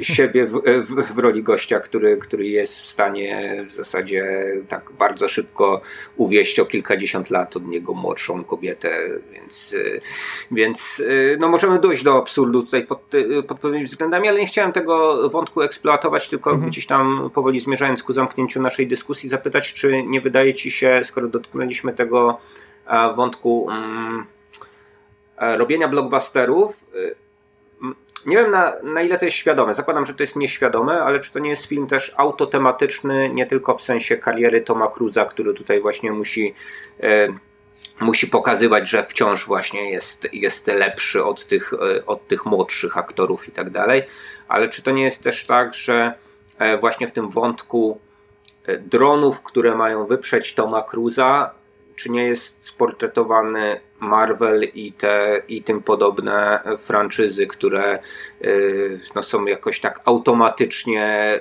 produkowane, czy, czy, czy gdzieś w podtekście nie, nie, są, nie, nie chcą scenarzyści nam tego, tego właśnie, właśnie powiedzieć, że ten Ed Harris jest takim e, symbolem trochę, no zresztą Ed Harris, który, który przecież kiedyś sterował Jimem Carreyem, prawda, tak, więc, e, więc, więc można powiedzieć, że grał takiego złego demiurga, tak, czy, czy on nie jest takim złym demiurgiem tylko, pod, tylko w tym filmie jako człowiek armii, prawda, e, dronowładny, czy też może być takim demiurgiem rodem z Disneya, prawda, który, który nagle przychodzi i mówi, nie, nie, nie, nie, Tomek, ty sobie daj spokój, my tutaj mamy właśnie te nasze nowe nakręcane maszynki i zabawki, które, które sa same w zasadzie będą grały i punktowały. No tak, ale to znowu jest e, tak naprawdę zwalczanie dżumy cholerą, bo to jest znowu ten paradoks, o którym rozmawialiśmy sobie już kilkakrotnie e, wcześniej. To znaczy, możesz oczywiście udawać, że ty wprowadzasz coś innego, że jesteś jakimś e, ruchem oporu przeciwko Marvelowi, przeciwko superbohaterom, przeciwko DC i tak dalej, a tak naprawdę działasz dokładnie na tej samej zasadzie, prawda? Znowu sięgając po tytuł, który uruchamia pewne pokłady nostalgii i mechanizm jest niezwykle podobny. No też e, nie chciałbym, żeby Tom Cruise, który kręci teraz co, szóstą i siódmą część chyba e, Mission Impossible, pouczał mnie na temat franchise, a przede wszystkim pouczał też, nie wiem, Kevina Feigiego i tak dalej. No, to jednak zupełnie nie pasuje. Mm, Tom Cruise, jasne, jest jeszcze ciągle takim, takim aktorem, który stara się gdzieś tam wykombinować coś nowego. Od czasu do czasu rzeczywiście obsadza się w dość zaskakujących rolach, i stara się może stworzyć no niemal od zera e, jakiś e, nowy kinowy fenomen. To próby z Jackiem Richerem chociażby, nawet jeżeli było oparte na bardzo, bardzo, ale to bardzo popularnych książkach. No i koniec końców jednak e, no sam fakt, że teraz mamy serial na Amazonie, a nie trzeci film z Tomem Cruzem jest chyba wystarczającym dowodem na to, że to się jednak nie powiodło. No to, no to mimo wszystko cały czas gra w dokładnie tę samą grę, co, co Marvel, co DC, co Disney jako taki, więc no możemy sobie to oczywiście traktować jako metaforę blockbustera, ale tak jak powiedziałeś wcześniej, to jest blockbuster e, tak mocno zanurzony w nostalgii, tak bardzo e, to z kolei ja powiedziałem, nie latający na własnych skrzydłach, tylko gdzieś tam po tym pożyczonym trochę tomkacie, po prostu wyciągniętym z jakiegoś obskurnego hangaru, że absolutnie, absolutnie wydaje mi się, że nawet jeżeli jest taka próba w tym filmie, no to, no to raczej nieudana. Okej, okay. no ale koniec końców wydaje mi się, że jest to film, na który warto zaprosić do kina no wszystkich, tak, bo jeszcze ja raz chciałem, chciałem, chciałem to podkreślić, że ten film wygląda spektakularnie, tak? I wydaje mi się, że jakimkolwiek kinem domowym nie dysponujecie, to jednak y, ten film E, nomen omen takiej kinetyki dostarcza, prawda, której, której kino zawsze pożądało i za którą Oczywiście. goniło i, i, i, która, która jest właśnie gdzieś u podstaw tej, tej sztuki, prawda, ruchomych obrazów. Tutaj te ruchome obrazy są spektakularnie ruchome i dlatego, dlatego warto do kina gnać. Top Gun Maverick, spektakularnie ruchomy. Zdecydowanie tak. No to jest podcast ścieżka dźwiękowa, więc pewnie tylko my możemy przez półtorej godziny narzekać trochę na film, który koniec końców przecież, przecież naprawdę nam się podobał. Tak, ja to zdecydowanie podkreślam. E, warto wybrać się na Top Guna do kina. Warto Top Gun Maverick potraktować jako po prostu Top Gun, zapomnieć o pierwszej części z całym moim ogromnym szacunkiem i sympatią dla, dla, dla Tony'ego Scotta. E, no i proszę Państwa, wybrać się na tę autostradę do strefy niebezpieczeństwa, jak to, jak to śpiewał e, Kenny Loggins, także teraz w 2022 roku. E, to co? Mm. Znajdźcie sobie odpowiednich skrzydłowych tylko i w teamie najlepiej to oglądać, prawda? No bo to jednak, to jednak taki film, który tą drużynowość podkreśla mocno, więc tak, ale... wydaje mi się, że potem można pójść do jakiegoś baru, uderzyć tam w dzwonek, tak? Z, z, z szafy grającej wrzucić e, Jerego Lewisa, tak on się nazywał, tak? tak? Great Balls of Fire. E, I tak mi się wydaje. Ten, e, ale tutaj w tym przypadku warto, żeby ktoś usiadł za wami, a nie obok was. Po prostu, żeby było tak jak, e, tak jak w kinie, przepraszam, tak jak w filmie. Ja się cieszę, że zobaczyliśmy pilota w okularach to zawsze był jakiś taki, jak, ponieważ ja jestem okularnikiem, to zawsze był taki mój problem, że co prawda nigdy nie sprawdzałem swojej e, przegrody nosowej, ale zawsze myślałem, że no przez te okulary nigdy nie zostanę gwiazdą lotnictwa i stąd tylko moje zamiłowanie do lotniczych zegarków, ale no, kto wie, może mógłbym z taką Phoenix w takim razie gdzieś tam na tylnym siedzeniu, co prawda jednak, ale faktycznie kiedyś e, polatać. Um, to syn, Bill, syn Billa Pullmana tutaj, tak? Louis tak? Pullman. Jezus mamy Maria, tak, mamy tak Ice, Icemana, Hangmana i Pullmana jeszcze w tym samym filmie. Tak, to dlatego nie miał. To, to dlatego nie ma ksywy. O, to, to tak, to wszystko, wszystko, dlatego to się nazywa tylko Bob. A, swoją drogą bardzo, bardzo nie lubię tego zwyczaju kolejnego pokolenia e, aktorów, którzy, którzy grają w filmach. W sensie możemy się ekscytować tym, że w Stranger Things gra dziewczyna, która wygląda czasem jak mama, czasem jak tata E, to znaczy czasem jak Uma Thurman, czasem jak Ethan Hawke i tak dalej. Możemy się ekscytować, że tutaj w, nowy Gwiezdny, w now, Obi-Wanie Kenobi widzimy tam syna Ice Cube'a, co swoją drogą jest zabawne bardzo, e, a tutaj, tak jak się dowiaduję, widzimy syna Billa Pullmana, o, czymś nie, o czym nie wiedziałem, ale kurczę, gdzieś tam na obrzeżach Hollywood krążą e, tysiące młodych kobiet, mężczyzn, którzy też chcieliby zagrać w tych filmach, ale no, nie mają znanych rodziców, więc to się, to się niestety nie uda. Widzę, że jakieś, jakieś twoje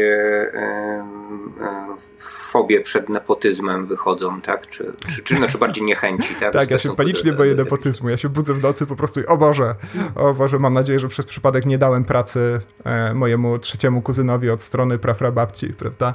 E, no, pamiętaj, pamiętaj, żeby twój syn nie nagrywał podcastu. O, broń Musisz zabronić. E, ja mu zabronię przede wszystkim słuchać tego. To jest, to jest, to, to jest najważniejsza rzecz. E, to co, to szybciutko może o drugim e, bardzo męskim filmie.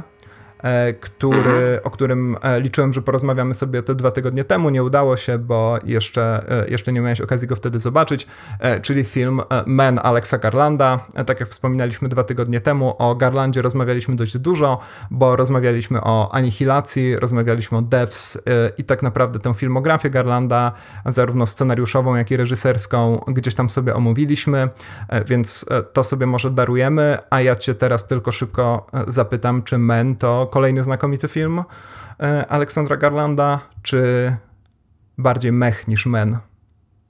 Hmm. Prawdę mówiąc, wciąż nie wiem. To znaczy. Tyle to ci czasu taki, dałem. Michał. Miałeś myśleć. No, jasne, i od, myśleć i od, i od seansu, i od seansu y, wciąż się nad tym, y, nad tym zastanawiam, czy ten film nie w jakiś sposób uwiódł, prawda? Tylu tam mężczyzn, a wszyscy wyglądają Jeden. tak samo, no bo wiadomo, że dokładnie, że, że wszyscy mężczyźni są tacy sami, tak? Mhm. Więc to jest o tym film y, przede wszystkim. Ale ja naprawdę w ten film, w ten film wszedłem. To jest tak, że parę osób mi E, już zapowiadało ten film, że to jest taka e, gorsza wersja Mader Aronowskiego. Słyszałem taką recenzję na przykład, że, że ten film e, właśnie, właśnie pozoruje jakąś głębię, a tej głębi tam zupełnie nie ma. Ale właśnie może nawet w sposób jeszcze większy niż w Top Gunie, ja po prostu poczułem się jakoś zahipnotyzowany tymi obrazami, które nam Garland serwuje, mimo że wiele, jak Później próbowałem nawet pójść za tymi takimi nielicznymi tropami, które tam się znajdują symbolicznymi. Wow, Wiele z tego filmu nie, nie, nie wyciągnąłem pod względem jakimś takim właśnie mm, że, że mógłby to być jakiś właśnie taki, taki puzzle film, który trzeba bardzo dekonstruować, bardzo decyfrować. Właśnie nie wydaje mi się to, no nie wiem, być może brakuje mi tutaj jakiejś wiedzy antropologicznej, być może po prostu czegoś, coś, coś przeoczyłem, ale no, wydaje mi się, że ten film jest, jest koniec końców bardzo prosty, to znaczy on to, co tam się wydarza, e, no mianowicie no, wyda, wydarza się samobójstwo tak e, mężczyzny, który, który, który był związany z główną bohaterką, no i to takie samobójstwo, o które ona nawet trochę się obwinia, tak, więc, więc mamy ten wątek, wątek takiej podwójnej traumy. E, no wydaje mi się, że to jest to, jest to przyobleczone w różne, e, w różne motywy e, liściaste, wulwiaste i tak dalej, prawda? Jakieś takie, które, które gdzieś sięgają nam do, do rdzenia naszej cywilizacji, natomiast które koniec końców nie dopowiadają wiele więcej ponad to, co, co, co, co właśnie jest punktem wyjściowym, wyjściowym tego filmu. Tu mamy bohaterkę, która, która, która nazywa się Harper i która no, przenosi się do takiego właśnie wiejskiego domu, w którym no, chce znaleźć jakieś ukojenie, chce przepracować tę, tę traumę i w sposób symboliczny ta trauma jej się manifestuje. I i tyle w zasadzie, to znaczy pod takim tak. względem konceptualnym dla mnie. Chyba, że dla ciebie ten film jest o czymś jeszcze, jeszcze więcej, bo zaraz możemy sobie popowiadać o, o konkretnie o tym, jak on jest zrealizowany. Nie, wydaje mi się, że tutaj e, trafiłeś w sedno. Tutaj e, wydaje mi się, że tej warstwy symbolicznej jest e, niezwykle, niezwykle dużo. Dla mnie jednak, kiedy film jako taki nie zainteresuje mnie wystarczająco, to po prostu nie mam też ochoty, żeby tę warstwę symboliczną, nawet jeżeli gdzieś tam dostrzegam jej istnienie, jakoś szczególnie interpretować i zgłębiać. Zdaję sobie sprawę z tego, że rzeczywiście mamy tutaj no po prostu setki, jeżeli nie tysiące symboli gdzieś tam związane z męskością, żeńskością, płodnością i tak dalej. Tutaj właśnie jakiś zielony człowiek, tutaj jakieś liście, tutaj jakieś gałęzie, e, tutaj jakieś złowrogie twarze, tutaj jakieś echo i tak dalej. E, no niemniej rzeczywiście sam film, tak jak wspomniałem, nie zainteresował mnie na tyle, żebym później miał wsiąść i gdzieś tam klatka po klatce go analizować, e, co czasem mi się rzeczywiście, rzeczywiście zdarza i potrafię spędzić długie godziny nad, nad, nad taką analizą, jeżeli faktycznie jednak film w jakiś sposób mnie zafascynuje. Rozumiem, że Men Garlanda może być filmem, który w jakiś sposób hipnotyzuje, w jakiś sposób wciąga, no ponieważ on jest miejscami bardzo dobrze zrealizowany. Miejscami tylko, zaraz powiem może czemu tylko, ale jest tam kilka znakomitych scen, które rzeczywiście zapadną w pamięć pewnie, pewnie na zawsze, jak chociażby ta scena z rozcinaniem ręki, która mnie osobiście bardzo kojarzyła się z legendarnym filmem Zombie 2 Lucie Fulciego. E, tam z kolei mamy taką bardzo powolną sceną nabijania, e, scenę nabijania oka bodajże na drzazgę lub gwóźdź, już, już dokładnie nie pamiętam. E, no i faktycznie pod kątem mm, tego, co tam dzieje się na poziomie wizualnym, zwłaszcza w końcowych partiach filmu, no to momentami po prostu za, za, zapiera dech, aż zastanawiam się, czy te Crimes of the Future Cronenberga, które już, o ile się orientuję, zaraz na ekranach, będą w stanie dostarczyć nam podobnych wrażeń. Pewnie tak, bo w Cannes ponoć ludzie wymiotowali po prostu na siebie nawzajem, oglądając nowy film Cronenberga, więc tym bardziej nie mogę się doczekać. To jest swoją drogą jakąś nową reakcją. Zwykle słyszymy, że w Cannes ludzie buczą, biją brawo albo wychodzą. Jeszcze nie słyszałem, żeby wymiotowali na siebie nawzajem, więc e, tym bardziej nowym Cronenbergiem oczywiście jestem bardzo, bardzo zainteresowany. Cieka ciekawe, czy to trafi na plakaty tak, i do jakichś takich właśnie blurbów. Zdjęcia z seansu. Tak, to będzie takie taki exploitation taki movie po prostu, że, że tak, że ojejku, ale że, że będą ci rozdawać po prostu jakieś środki przeciwwymiotne przed wejściem na seans, tak jak kiedyś przed e, różnymi e, tanimi horrorami, przed seansami różnych tanich horrorów ustawiano sztuczne karetki, prawda, i kobiety poprzebierane za pielęgniarki, żebyś wiedział, jaki to straszny seans cię czeka, ale my nie o tym, bo tego filmu przecież jeszcze nie widzieliśmy. Wracając do Men, to rzeczywiście jest to film, który jest jak mi się zdaje, niezwykle prosty. To jest zresztą scenariusz, który sam Garland napisał 20 lat temu e, i wydaje mi się, że gdyby ten film też powstał 20 lat temu, to byłby dużo bardziej rewolucyjny, e, dużo bardziej interesujący. E, podczas gdy tutaj mamy taką faktycznie opowieść, e, w której e, komputerowo odmłodzona Olivia Colman, naprawdę niesamowita jest ta technologia we, współczesnych, we współczesnym kinie. To jest bardzo, bardzo głęboko zagrzebany dowcip. Zobaczymy, czy ktokolwiek go tak, zrozumie. Tak. Mm. Mhm. No dobrze, to nie będę mówił. Trafia do trafia do gdzieś tam wiejskiej posiadłości. Oczywiście, ponieważ wszystko dzieje się w Wielkiej Brytanii, no to automatycznie gdzieś tam mnie y, kojarzy się z tymi wszystkimi gotyckimi, niekoniecznie gotyckimi, bo też e, późniejszymi e, powieściami, a przede wszystkim pewnie e, opowiadaniami różnych brytyjskich autorów, ostatnio nawet z Edith Nesbit na, na, na czele, ponieważ jakiś czas temu zgłębiałem właśnie tą horrorową e, twórczość Edith Nesbit, o której wcześniej nawet nie wiedziałem. To była dla mnie autorka rodu Bastablów przede wszystkim, a tu okazało się, że jednak w tej mrocznej stronie ludzkiej natury też się grzebała, e, więc wszystko jest tak bardzo po bożemu, jeżeli chodzi o taki standard właśnie brytyjskiej opowieści nadnaturalnej. E, no i później zaczynają, zaczyna się seria scen, która wygląda trochę jak no taki stokowy horror O24, jak dla mnie, w każdym razie. To znaczy, kiedy oglądałem sobie te wszystkie sceny w tunelu, słuchałem tych wszystkich złowrogich, tajemniczych dźwięków i tak dalej, to zastanawiałem się trochę być może jak bohaterowie najnowszego krzyku, e, ile jeszcze tego elevated horror, tego art horror i tak dalej będziemy w stanie wytrzymać ponieważ to już zaczyna zmieniać się chyba, no najpierw w konwencję gatunkową, a zaraz zmieni się po prostu w pastisz. E, na szczęście Garland ma ciągle na tyle wyobraźni, że potrafi to właśnie nomen omen unieść, elevate gdzieś tam jeszcze do wyższego po poziomu momentami, ale nie ukrywam, że byłem raczej znużony wieloma rozwiązaniami, e, jak i samym, jak mi się zdaje, takim założeniem ideologicznym tego filmu, no, który po prostu, tak jak wspomniałeś, polega na tym, że kobieta przepracowuje traumę, a wszyscy mężczyźni są źli, nawet jeżeli, czy też większość z nich, nawet jeżeli faktycznie część z nich być może potrzebuje jakiejś czułości, miłości, choć to, że każdy mężczyzna potrzebuje czułości i miłości jest trochę takim samym stereotypem, jak to, że każda kobieta chce być matką, e, tylko gdzieś tam postawionym może w mniej oczywisty sposób. No ale koniec końców, men nie dostarczyło mi takich wrażeń, na jakie liczyłem.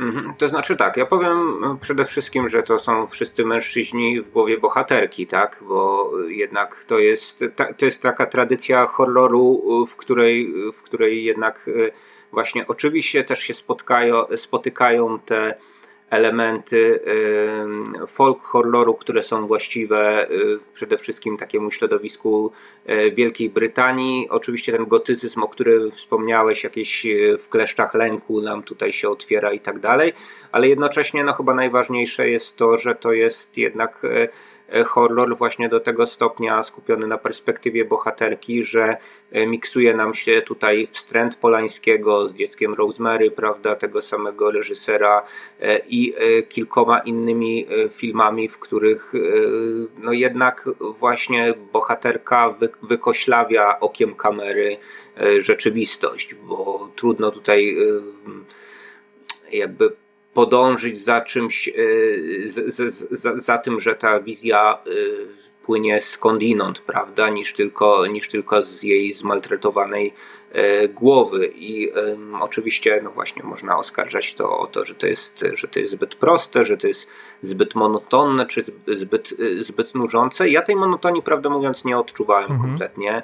E, nie, nie czuję też jakiegoś takiego właśnie przeciążenia pewnymi zabiegami, które rozpoznaję, bo e, na przykład nie wiem, e, wątek tego, że w statycznym kadrze nagle nam się pojawia w pewnym momencie nagi facet, prawda, gdzieś tam super. stojący nieruchomo, no to jest, uruchamia to u mnie, u, u, mnie przede wszystkim skojarzenie z filmem Coś za mną chodzi, tak? Mhm. gdzie mieliśmy tego typu, typu sceny i oczywiście czekam aż ten aż ten facet y, po prostu odpali zapłon i, i, na, i, na, i nagle z właśnie z takiej statycznie przerażającej figury będzie właśnie tym kimś, kto będzie w naszą stronę szedł, potem biegł, a potem się właśnie dobijał, dobijał do domu. I Garland, który jest gdzieś tam twórcą e, o tyle świadomym i oczytanym, że sam jest pisarzem i sam dużo ogląda filmów, wydaje mi się, że e, albo świadomie, albo też mniej świadomie też gdzieś zostają mu pewne, pe, pewne obrazy i on je jakoś tam, jakoś tam klonuje i powiela, bo mamy tutaj też trochę z takiego home invasion, które no, gdzieś tam już, do, już nawet do, do Pekinpacha i nędznych psów bym się nawet mhm. odwoływał, tak? Że wydaje mi się, być może to klimat po prostu taki lokalny, prawda? Też y, tego takiego właśnie e, wiejskiego terytorium właśnie Wielkiej Brytanii mi to implikuje też automatem, e, ale wydaje mi się, że tak, że, że, że, że sporo, sporo w tym filmie jest jakichś takich, takich powtarzalnych e, punktów wyjścia. A dla mnie ważne jest to, co w konkretnych sekwencjach z tym, e, z tym Garland robi. I na przykład ta taka scena w tunelu, e, w takim, że bohaterka idzie najpierw przez las, taki bardzo zielony, czyli idzie przez jeden zielony tunel i potem dochodzi do takiego tunelu, który jest e, no, no znowu taką freudowską bramą, taką ostentacyjnie, prawda? Tutaj mamy wiele, jak powiedziałeś, tych symboli męsko-żeńskich, ale właśnie E, takich, które gdzieś odwołują się do, e, do genitaliów, do płodności, prawda? Więc ten, ten, ten tunel też oczywiście jest e, poniekąd seksualny, a no poniekąd jest gdzieś tam, gdzieś tam tunelem w jej głowie do jakiegoś zupełnie innego świata. I Garland rozgrywa tę scenę bardzo długo, ale dla mnie to jest, to, to jest fascynujące, że po prostu on to rozgrywa na tyle długo i tam to echo się rozchodzi tak długo i bohaterka to testuje tak długo, że, że właśnie to są te elementy hipnotyzujące dla mnie. To znaczy to, że ten, ten film nigdzie nie gna, donikąd się nie spieszy, a wręcz zaryzykowałbym stwierdzenie, że do niczego sensownego nie dąży poza poukładaniem pewnych rzeczy w głowie, w głowie bohaterki. I, I mnie to tutaj absolutnie, absolutnie wystarcza. No, być może jestem też poniekąd trochę e, spaczony, bo jestem pod urokiem Jessie Buckley od dłuższego czasu. Tak, dla mnie to jest w ogóle fenomenalna aktorka i, e, i, i, bardzo lubię ją w bardzo różnych odsłonach, ale no, wydaje mi się, że, że nie tylko ona była potrzebna do tego, żeby e, tutaj, tutaj zrobić taki pewien klimat. A e, z jeszcze innej strony e, odwołam się do Twojej, e, do twojej wypowiedzi, że z mojej perspektywy szkoda, że ten film właśnie nie powstał dużo wcześniej, bo być może no, unikn uniknąłby tysięcy komentarzy różnego rodzaju szurów w internecie, którzy mówią, że ten film to jest po prostu jedzie na modzie na mitu i tutaj po prostu już będzie tłamsił mężczyzn, prawda, i mówił, że kobiety są dobre, a mężczyźni są źli. No nie, no to jest jakby jednostkowy przypadek, no jest jakiś solipsizm w tym filmie, no jakby tyle, no. To nie jest, to nie jest wizja rzeczywistości, w jakiej żyjemy, ogarnijcie się. Jasne, to jest też ciekawy paradoks, że być może bardziej niż silnych mężczyzn powinniśmy, czy też inaczej, więcej szkody niż silni mężczyźni bardzo często e, wywołują ci, ci, ci słabi mężczyźni, którzy są tak bardzo przerażeni na przykład jakimś nowym filmem Alexa Garlanda, e, ponieważ są tak niezwykle niepewni siebie, to ja jednak uważam, że ten film jest bardzo to jest też ciekawe, to, o czym ja tak o, zgadzam się z tym jasne, że ten film jest e, mocno subiektywizowany, że ten wątek właśnie solipsyzmu tutaj E, odgrywa bardzo dużą rolę, to znaczy po prostu świata nie ma, tego świata nie ma, w każdym razie znika on, e, kiedy, kiedy tylko bohaterka zamyka oczy, chociaż no, wtedy już w ogóle zostaje sama ze swoimi myślami, a to pewnie jest jeszcze bardziej przerażające. Pewnie musiałbym ten film jeszcze raz obejrzeć właśnie pod kątem jakiejś próby analizy tego, na ile on rzeczywiście jest ostentacyjnie subiektywny, na ile faktycznie tam nie, nie próbuje Garland jednak jakichś szerszych tez e, wyłożyć, e, jeżeli faktycznie okazałoby się, i ogólniejszych, jeżeli faktycznie to drugie okazałoby się prawdą, no to, no to powtarzam, że te tezy nie są w żaden sposób szczególnie, szczególnie interesujące. E, niemniej ja też być może nie wymagam od filmu tego, żeby przedstawiał mi jakąś nie, jakąś niesamowicie skomplikowaną rozprawkę, gdzie każdej stronie oddaje się głos i tak dalej. Często film jako medium jednak dość biedne, dość ubogie, wbrew pozorom, wbrew temu, co, co wielu badaczy, krytyków i tak dalej usiłuje udowodnić. Nie, nie, nie zawsze tak naprawdę nadaje się do, do tego typu rozważań, co nie zmienia faktów, że jednak dla mnie ten film był nużący. Tak, cieszę się, że ty rzeczywiście gdzieś tam ani przez moment moment faktycznie nawet nie tyle się nie nudziłeś, to raczej dałeś się, o ile dobrze rozumiem, gdzieś tam tej nudzie e, pochłonąć i gdzieś tam w tym nurze, znużeniu unurzać, że tak to efektownie, bardzo efektownie e, ujmę. E, niemniej mnie troszkę denerwowały już powtarzające się tropy i to, że tak naprawdę wszystko zmierza no dokładnie tam, gdzie powinno zmierzać, że każda z tych postaci, w które wciela się Rory Kinnear, tak, bo żartowaliśmy sobie, że tam jest dwóch mężczyzn, a chodzi o to, że no bodajże w całym filmie chyba jest dwóch aktorów, tak, mąż naszej e, głównej bohaterki oraz Rory Kinnear, który wciela się w te wszystkie dziwaczne wizje, no to oni wszyscy są niezwykle mm, przewidywalni, prawda, w każdym swoim zachowaniu, no w momencie, kiedy ksiądz kładzie e, dłoń na kolanie głównej bohaterki, no to już e, oczywiście można się tym przejąć, ale też niestety istnieje, jak mi się zdaje, pewne zagrożenie po prostu reakcji w postaci wzruszenia ramionami. E, więc e, nawet jeżeli mm, ta końcówka jest rzeczywiście przeefektownie zrealizowana pod kątem właśnie, no, mówiąc otwarcie, efektów specjalnych, wygląda to absolutnie przecudownie, hipnotyzująco i cudownie, e, to jednak jest to rzecz, do której ten film niemal od początku zmierza i rozumiem, i rozumiem też, dlaczego tobie to nie przeszkadza. Rozumiem bardzo dobrze pewne uwiedzenie formą i zanurzenie się w filmie, to jednak ja e, być może na warunki, ze względu na warunki też, w którym te, ten film oglądałem, może o tym zaraz, gdzieś tam w tych mężczyznach się, e, czy też w tych men się, ponieważ ten film chyba, czy on ma polski tytuł? Mężczyźni? Czy po nie. prostu men? Nie. Czyli jednak Ministerstwo nie, Edukacji. Narodowej, tak? Zostało, zostaliśmy przy tym, e, przy tym tytule. Do, dokładnie, no Ciekawe bo bali się tytułu, tytułu chłopy. Chłopy, po prostu. Tak. Zwłaszcza, że chłopi przecież teraz e, powstają powoli w tej samej technice chyba co, co twój Vincent, więc e, czekamy z niecierpliwością. Ale wracając do, do Ministerstwa Edukacji Narodowej, no to mimo wszystko jak gdzieś tam nadziałem się na te pewne takie mm, ostentacyjne tropy, na te szablony, na te oczywiste rozwiązania. E, trochę nadziałem się właśnie jak ta rączka na ten nóż i dlatego nie wyszedłem z filmu szczególnie, szczególnie no, nie, nie powiem uradowany, ale usatysfakcjonowany. E, tak, to jeszcze tylko dopowiem, że oczywiście oprócz, oprócz tej takiej perspektywy bohaterki, to yy, tak masz rację, że ci mężczyźni są bardzo stereotypowi, tak, że tutaj mamy po prostu serię takich, takich wizji czy takich przedstawień tych mężczyzn, która jest związana jakoś tam z, imi, z, ich, z ich funkcjami konkretnymi i też potencjalnymi reakcjami właśnie E, tego typu mężczyzn na gdzieś tam e, problemy kobiet, prawda? Mamy tego księdza i jego jakieś takie fałszywe współczucie, które potem się przeradza tak naprawdę w poszukiwanie kozła ofiarnego, czy no jakby naznaczanie kobiety tą winą, tak, szukanie w niej winy. Mamy tego policjanta, który ignoruje i wyśmiewa problem. Mamy w zasadzie jakiegoś takiego chłopca, który wydaje się e, przyjacielski i skłonny do zabawy, ale tylko dopóki to jest gra na jego warunkach, tak, a koniec końców e, no, mo może okazać się podły, jeżeli ktoś nie chce grać z nim w te jego gierki.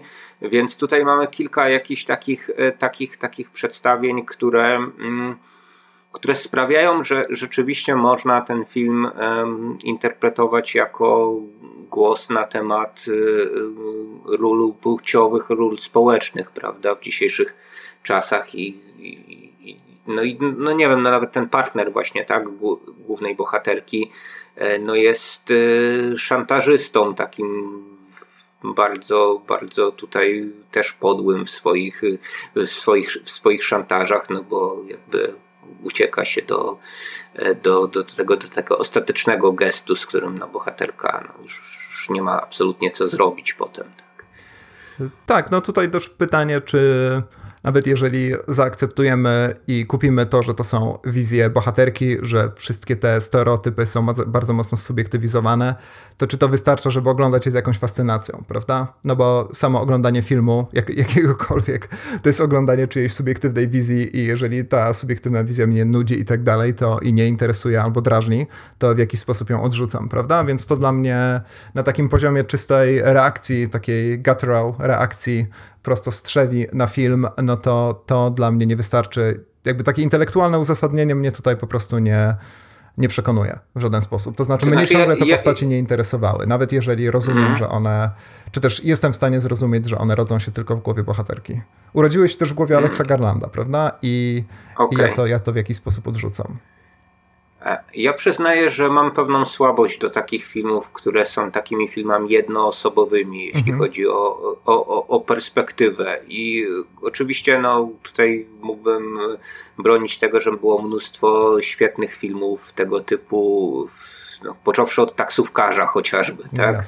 E, na, na, na właśnie tych e, horrorach, kobiecych, które, które wcześniej wymieniłem, kończąc, bądź też, nie wiem, filmach o, o astronautach, prawda?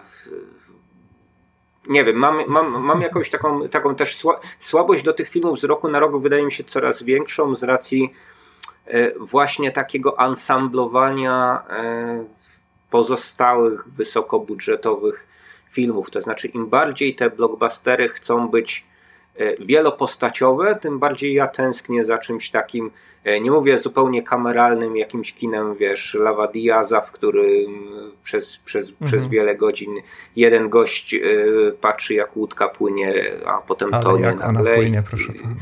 E, do, do, do, dokładnie. No, natomiast no właśnie, tego nie powiedziałem nawet przy, przy Top Gunie, że ja mam jeszcze taki problem z tym filmem, że tam jest tak dużo tych bohaterów, że tam jest ich po prostu za dużo, żeby oni, żeby te relacje mhm. pomiędzy nimi były naszkicowane jakoś, jakoś mocniej. Nawet jeżeli bym się nie domagał od, od blockbustera, że on będzie mi tutaj niuansował psychologicznie jakoś niesamowicie te postacie, no to chciałbym, żeby pomiędzy tymi postaciami coś tam się wydarzyło trochę więcej, a nie mamy na to miejsca, bo muszą być te sceny akcji i musi być tak dużo tych bohaterów, prawda?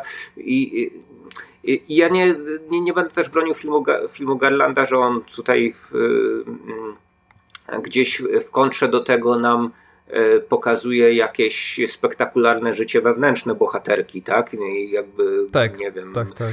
No, nie, nie wiem, no nie jest jakąś, jakąś personą Bergmana, tak? Czy jakąś taką wiwisekcją właśnie e, mózgu bohaterki wielostronną. E, natomiast wciąż wydaje mi się, że też jest coś takiego jakoś tak bardzo, bardzo szlachetnego. Nie wiem, a być może, być może to po prostu tylko ja. Nie wiem, jeżeli, jeżeli są jacyś słuchacze, którzy myślą podobnie, to, to, to, proszę o komentarze. I od razu też chciałem poprosić o komentarze ludzi, którzy są bardzo, bardziej biegli e, w kierunku interpretacji E, no zwłaszcza tych takich architektonicznych, e, etnicznych e, symboli, bo ja wiem, że tutaj jest właśnie ten zielony człowiek, o którym wspomniałeś, jest Sheila Nagig, trochę sobie poczytałem o tych mhm. właśnie, o, o, o, o tych symbolach, ale jakby wciąż no, poza tym, że, że one są takie tak naprawdę potem dążą do, jakiejś, do, do, jakiegoś eksplicytnego zamanifestowania tym, czym są, bo najpierw bohaterka je widzi gdzieś tam w tym takim y, kościele, prawda, w tej świątyni, no to one potem ożywają nam w jakiejś takiej pełni, czyli w zasadzie, w zasadzie te, te symbole wciąż są tym, co ty, tym dokładnie, czy, czy, czym takie, takie właśnie reprezentacje, to znaczy no jakby zielony człowiek przekształca się w, w gościa, który sobie listki odrywa, tak, z brody czy z czoła i, i, i, i, i tak dalej. A Sheila Nagig się przekształca w, w, w postać, która z, z której kolejnych wagin wychodzą kolejne następne postaci. Tylko czy czy nie wiem, dla kogoś ze słuchaczy być może to jest coś, co, coś więcej, bo ja się, tutaj. Tak, bo się znają lepiej tego, niż, niż, niż ja, my rzeczywiście. Ja tego nie, nie znajduję. No i wspomniałeś tę taką właśnie finałową scenę, że ona jest spektakularnie zarysowana. No, e, ja doceniam to, jak właśnie jest, e, jak są zrobione te sceny e, gore z rozcinaniem ręki. Natomiast gdzie niegdzie czułem komputer też mocno, hmm. zwłaszcza właśnie w tej fi finałowej scenie.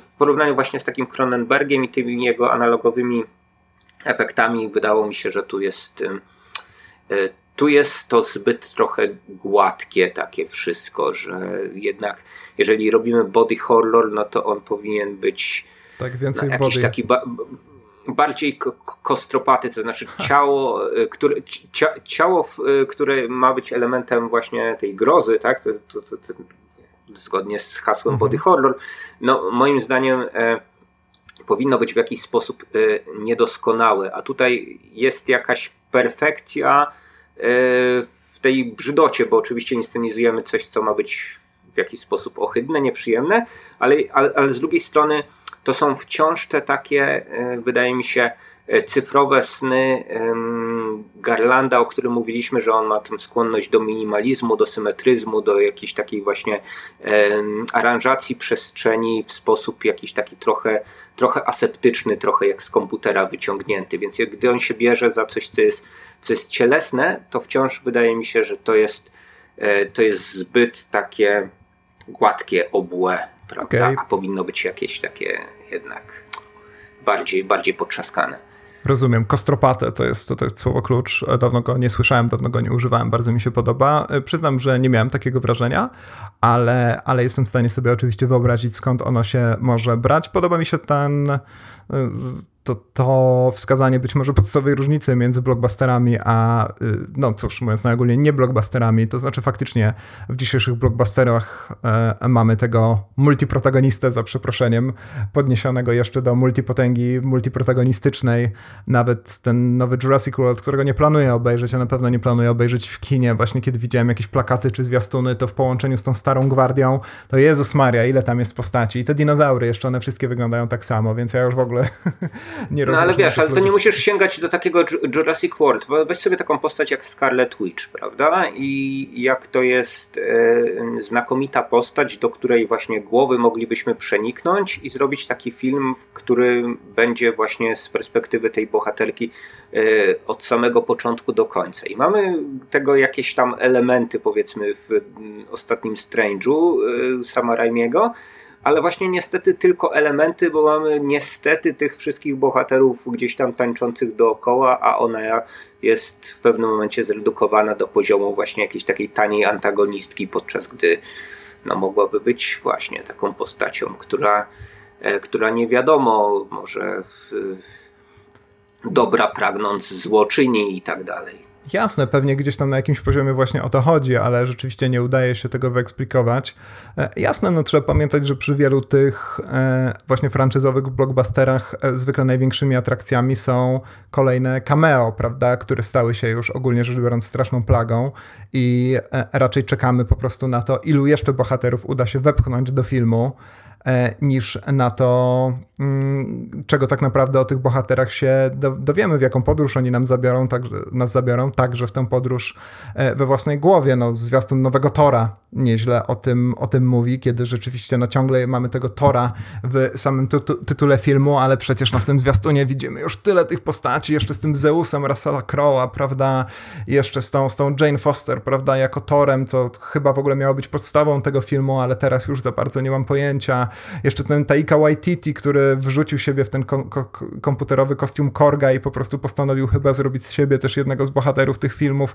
E, no tak, no po prostu jest tych postaci tak niezwykle dużo, że nie mamy już czasu ani miejsca, żeby w jakiś interesujący sposób je zgłębić. No na szczęście pozostają tacy twórcy jak Alex Garland, którzy starają się to zrobić, nawet jeżeli nieudanie w przypadku Ministerstwa Edukacji Narodowej według mnie, e, według ciebie na szczęście jest, jest lepiej, więc e, naszym drogim słuchaczom słuchaczom, jeżeli jeszcze tego nie zrobili, pozostaje polecić, żeby, e, żeby sięgnęli do tego. Swoją drogą kupiłem sobie nową książkę Jeffa Vandermeera, czyli faceta, który napisał Anihilację. Książka nazywa się Hummingbird Salamander i jest e, bardzo, bardzo ciekawą książką pod kątem właśnie budowania pierwszoosobowej narracji postaci która, no, która się rzeczy jest protagonistką tego filmu, tej książki, przepraszam, być może niedługo filmu. E, I nie dziwię się, że taki twórca jak Garland e, po, po Vandermeera rzeczywiście kiedyś, kiedyś sięgnął. Być może samą anihilację. No to może, może, może sięgnie raz jeszcze, prawda? Ale to już nie ma nic wspólnego z tą trylogią wcześniejszą nie, nie. Nie, nie, to jest, to jest okay. coś innego oprócz e, poczucia e, nieuchronnie nadchodzącej ekologicznej apokalipsy, to nie bo jeżeli chodzi o pewne tematy, wątki, tropy, to są one bardzo, jak mi się zdaje, podobne. No tutaj można było rzeczywiście w taki eco-horror też uderzyć, prawda, w men i y, może jednak bardziej zbalansować. No ale dobra, nie będę, nie będę wchodził w to, czym ten film nie jest. y, Jasne. Jakby biorę go z, ty, z tym, czym jest. Wyśniłem sobie tylko przed momentem na jawie taki koszmar, w którym e, Greenman e, staje się postacią osobną w uniwersum A24. E, Znaczy on, to tak. Epokach jak, jak, jak, jakoś ten motyw w Green Knightie był Tak, przecież tak, Davida tak. Lowery'ego, tak? I Więc, więc mógłby, mógłby tu przenikać nam kolejne, kolejne filmy, ale nie, nie chcemy tego. Nie, nie, nie róbcie nam Nie. uniwersum ze wszystkiego. Chociaż, y, tak jak mówię, oglądając Men, miałem troszkę wrażenie, że to logo A24 czy też A24 zaczyna coraz częściej zapowiadać mi pewne szablony. No aczkolwiek przecież przed chwilą widzieliśmy wspaniałego wikinga, bardzo interesujące wszystko wszędzie naraz i tak dalej, więc to jest wrażenie, które myślę, że wraz z kolejnymi premierami się ulotni. E, Dobrze, Michał, na początku w prywatnej rozmowie obiecaliśmy sobie, że nagramy dzisiaj krótszy odcinek. E, Gratuluję, nie udało się. E, Tak czy owak, No, cóż, wyszło jak zawsze. tak, ty idź spać, a ja pójdę zjeść obiad, bo chyba już kończymy, prawda? No myślę, że czas najwyższy. E, Dobrze, to bardzo dziękujemy tym pojedynczym jednostkom, które heroicznie wytrzymały do końca kolejnego odcinka podcastu, który nazywa się Ścieżka Dźwiękowa i do usłyszenia. Papa. Pa. Sayonara, żółwie.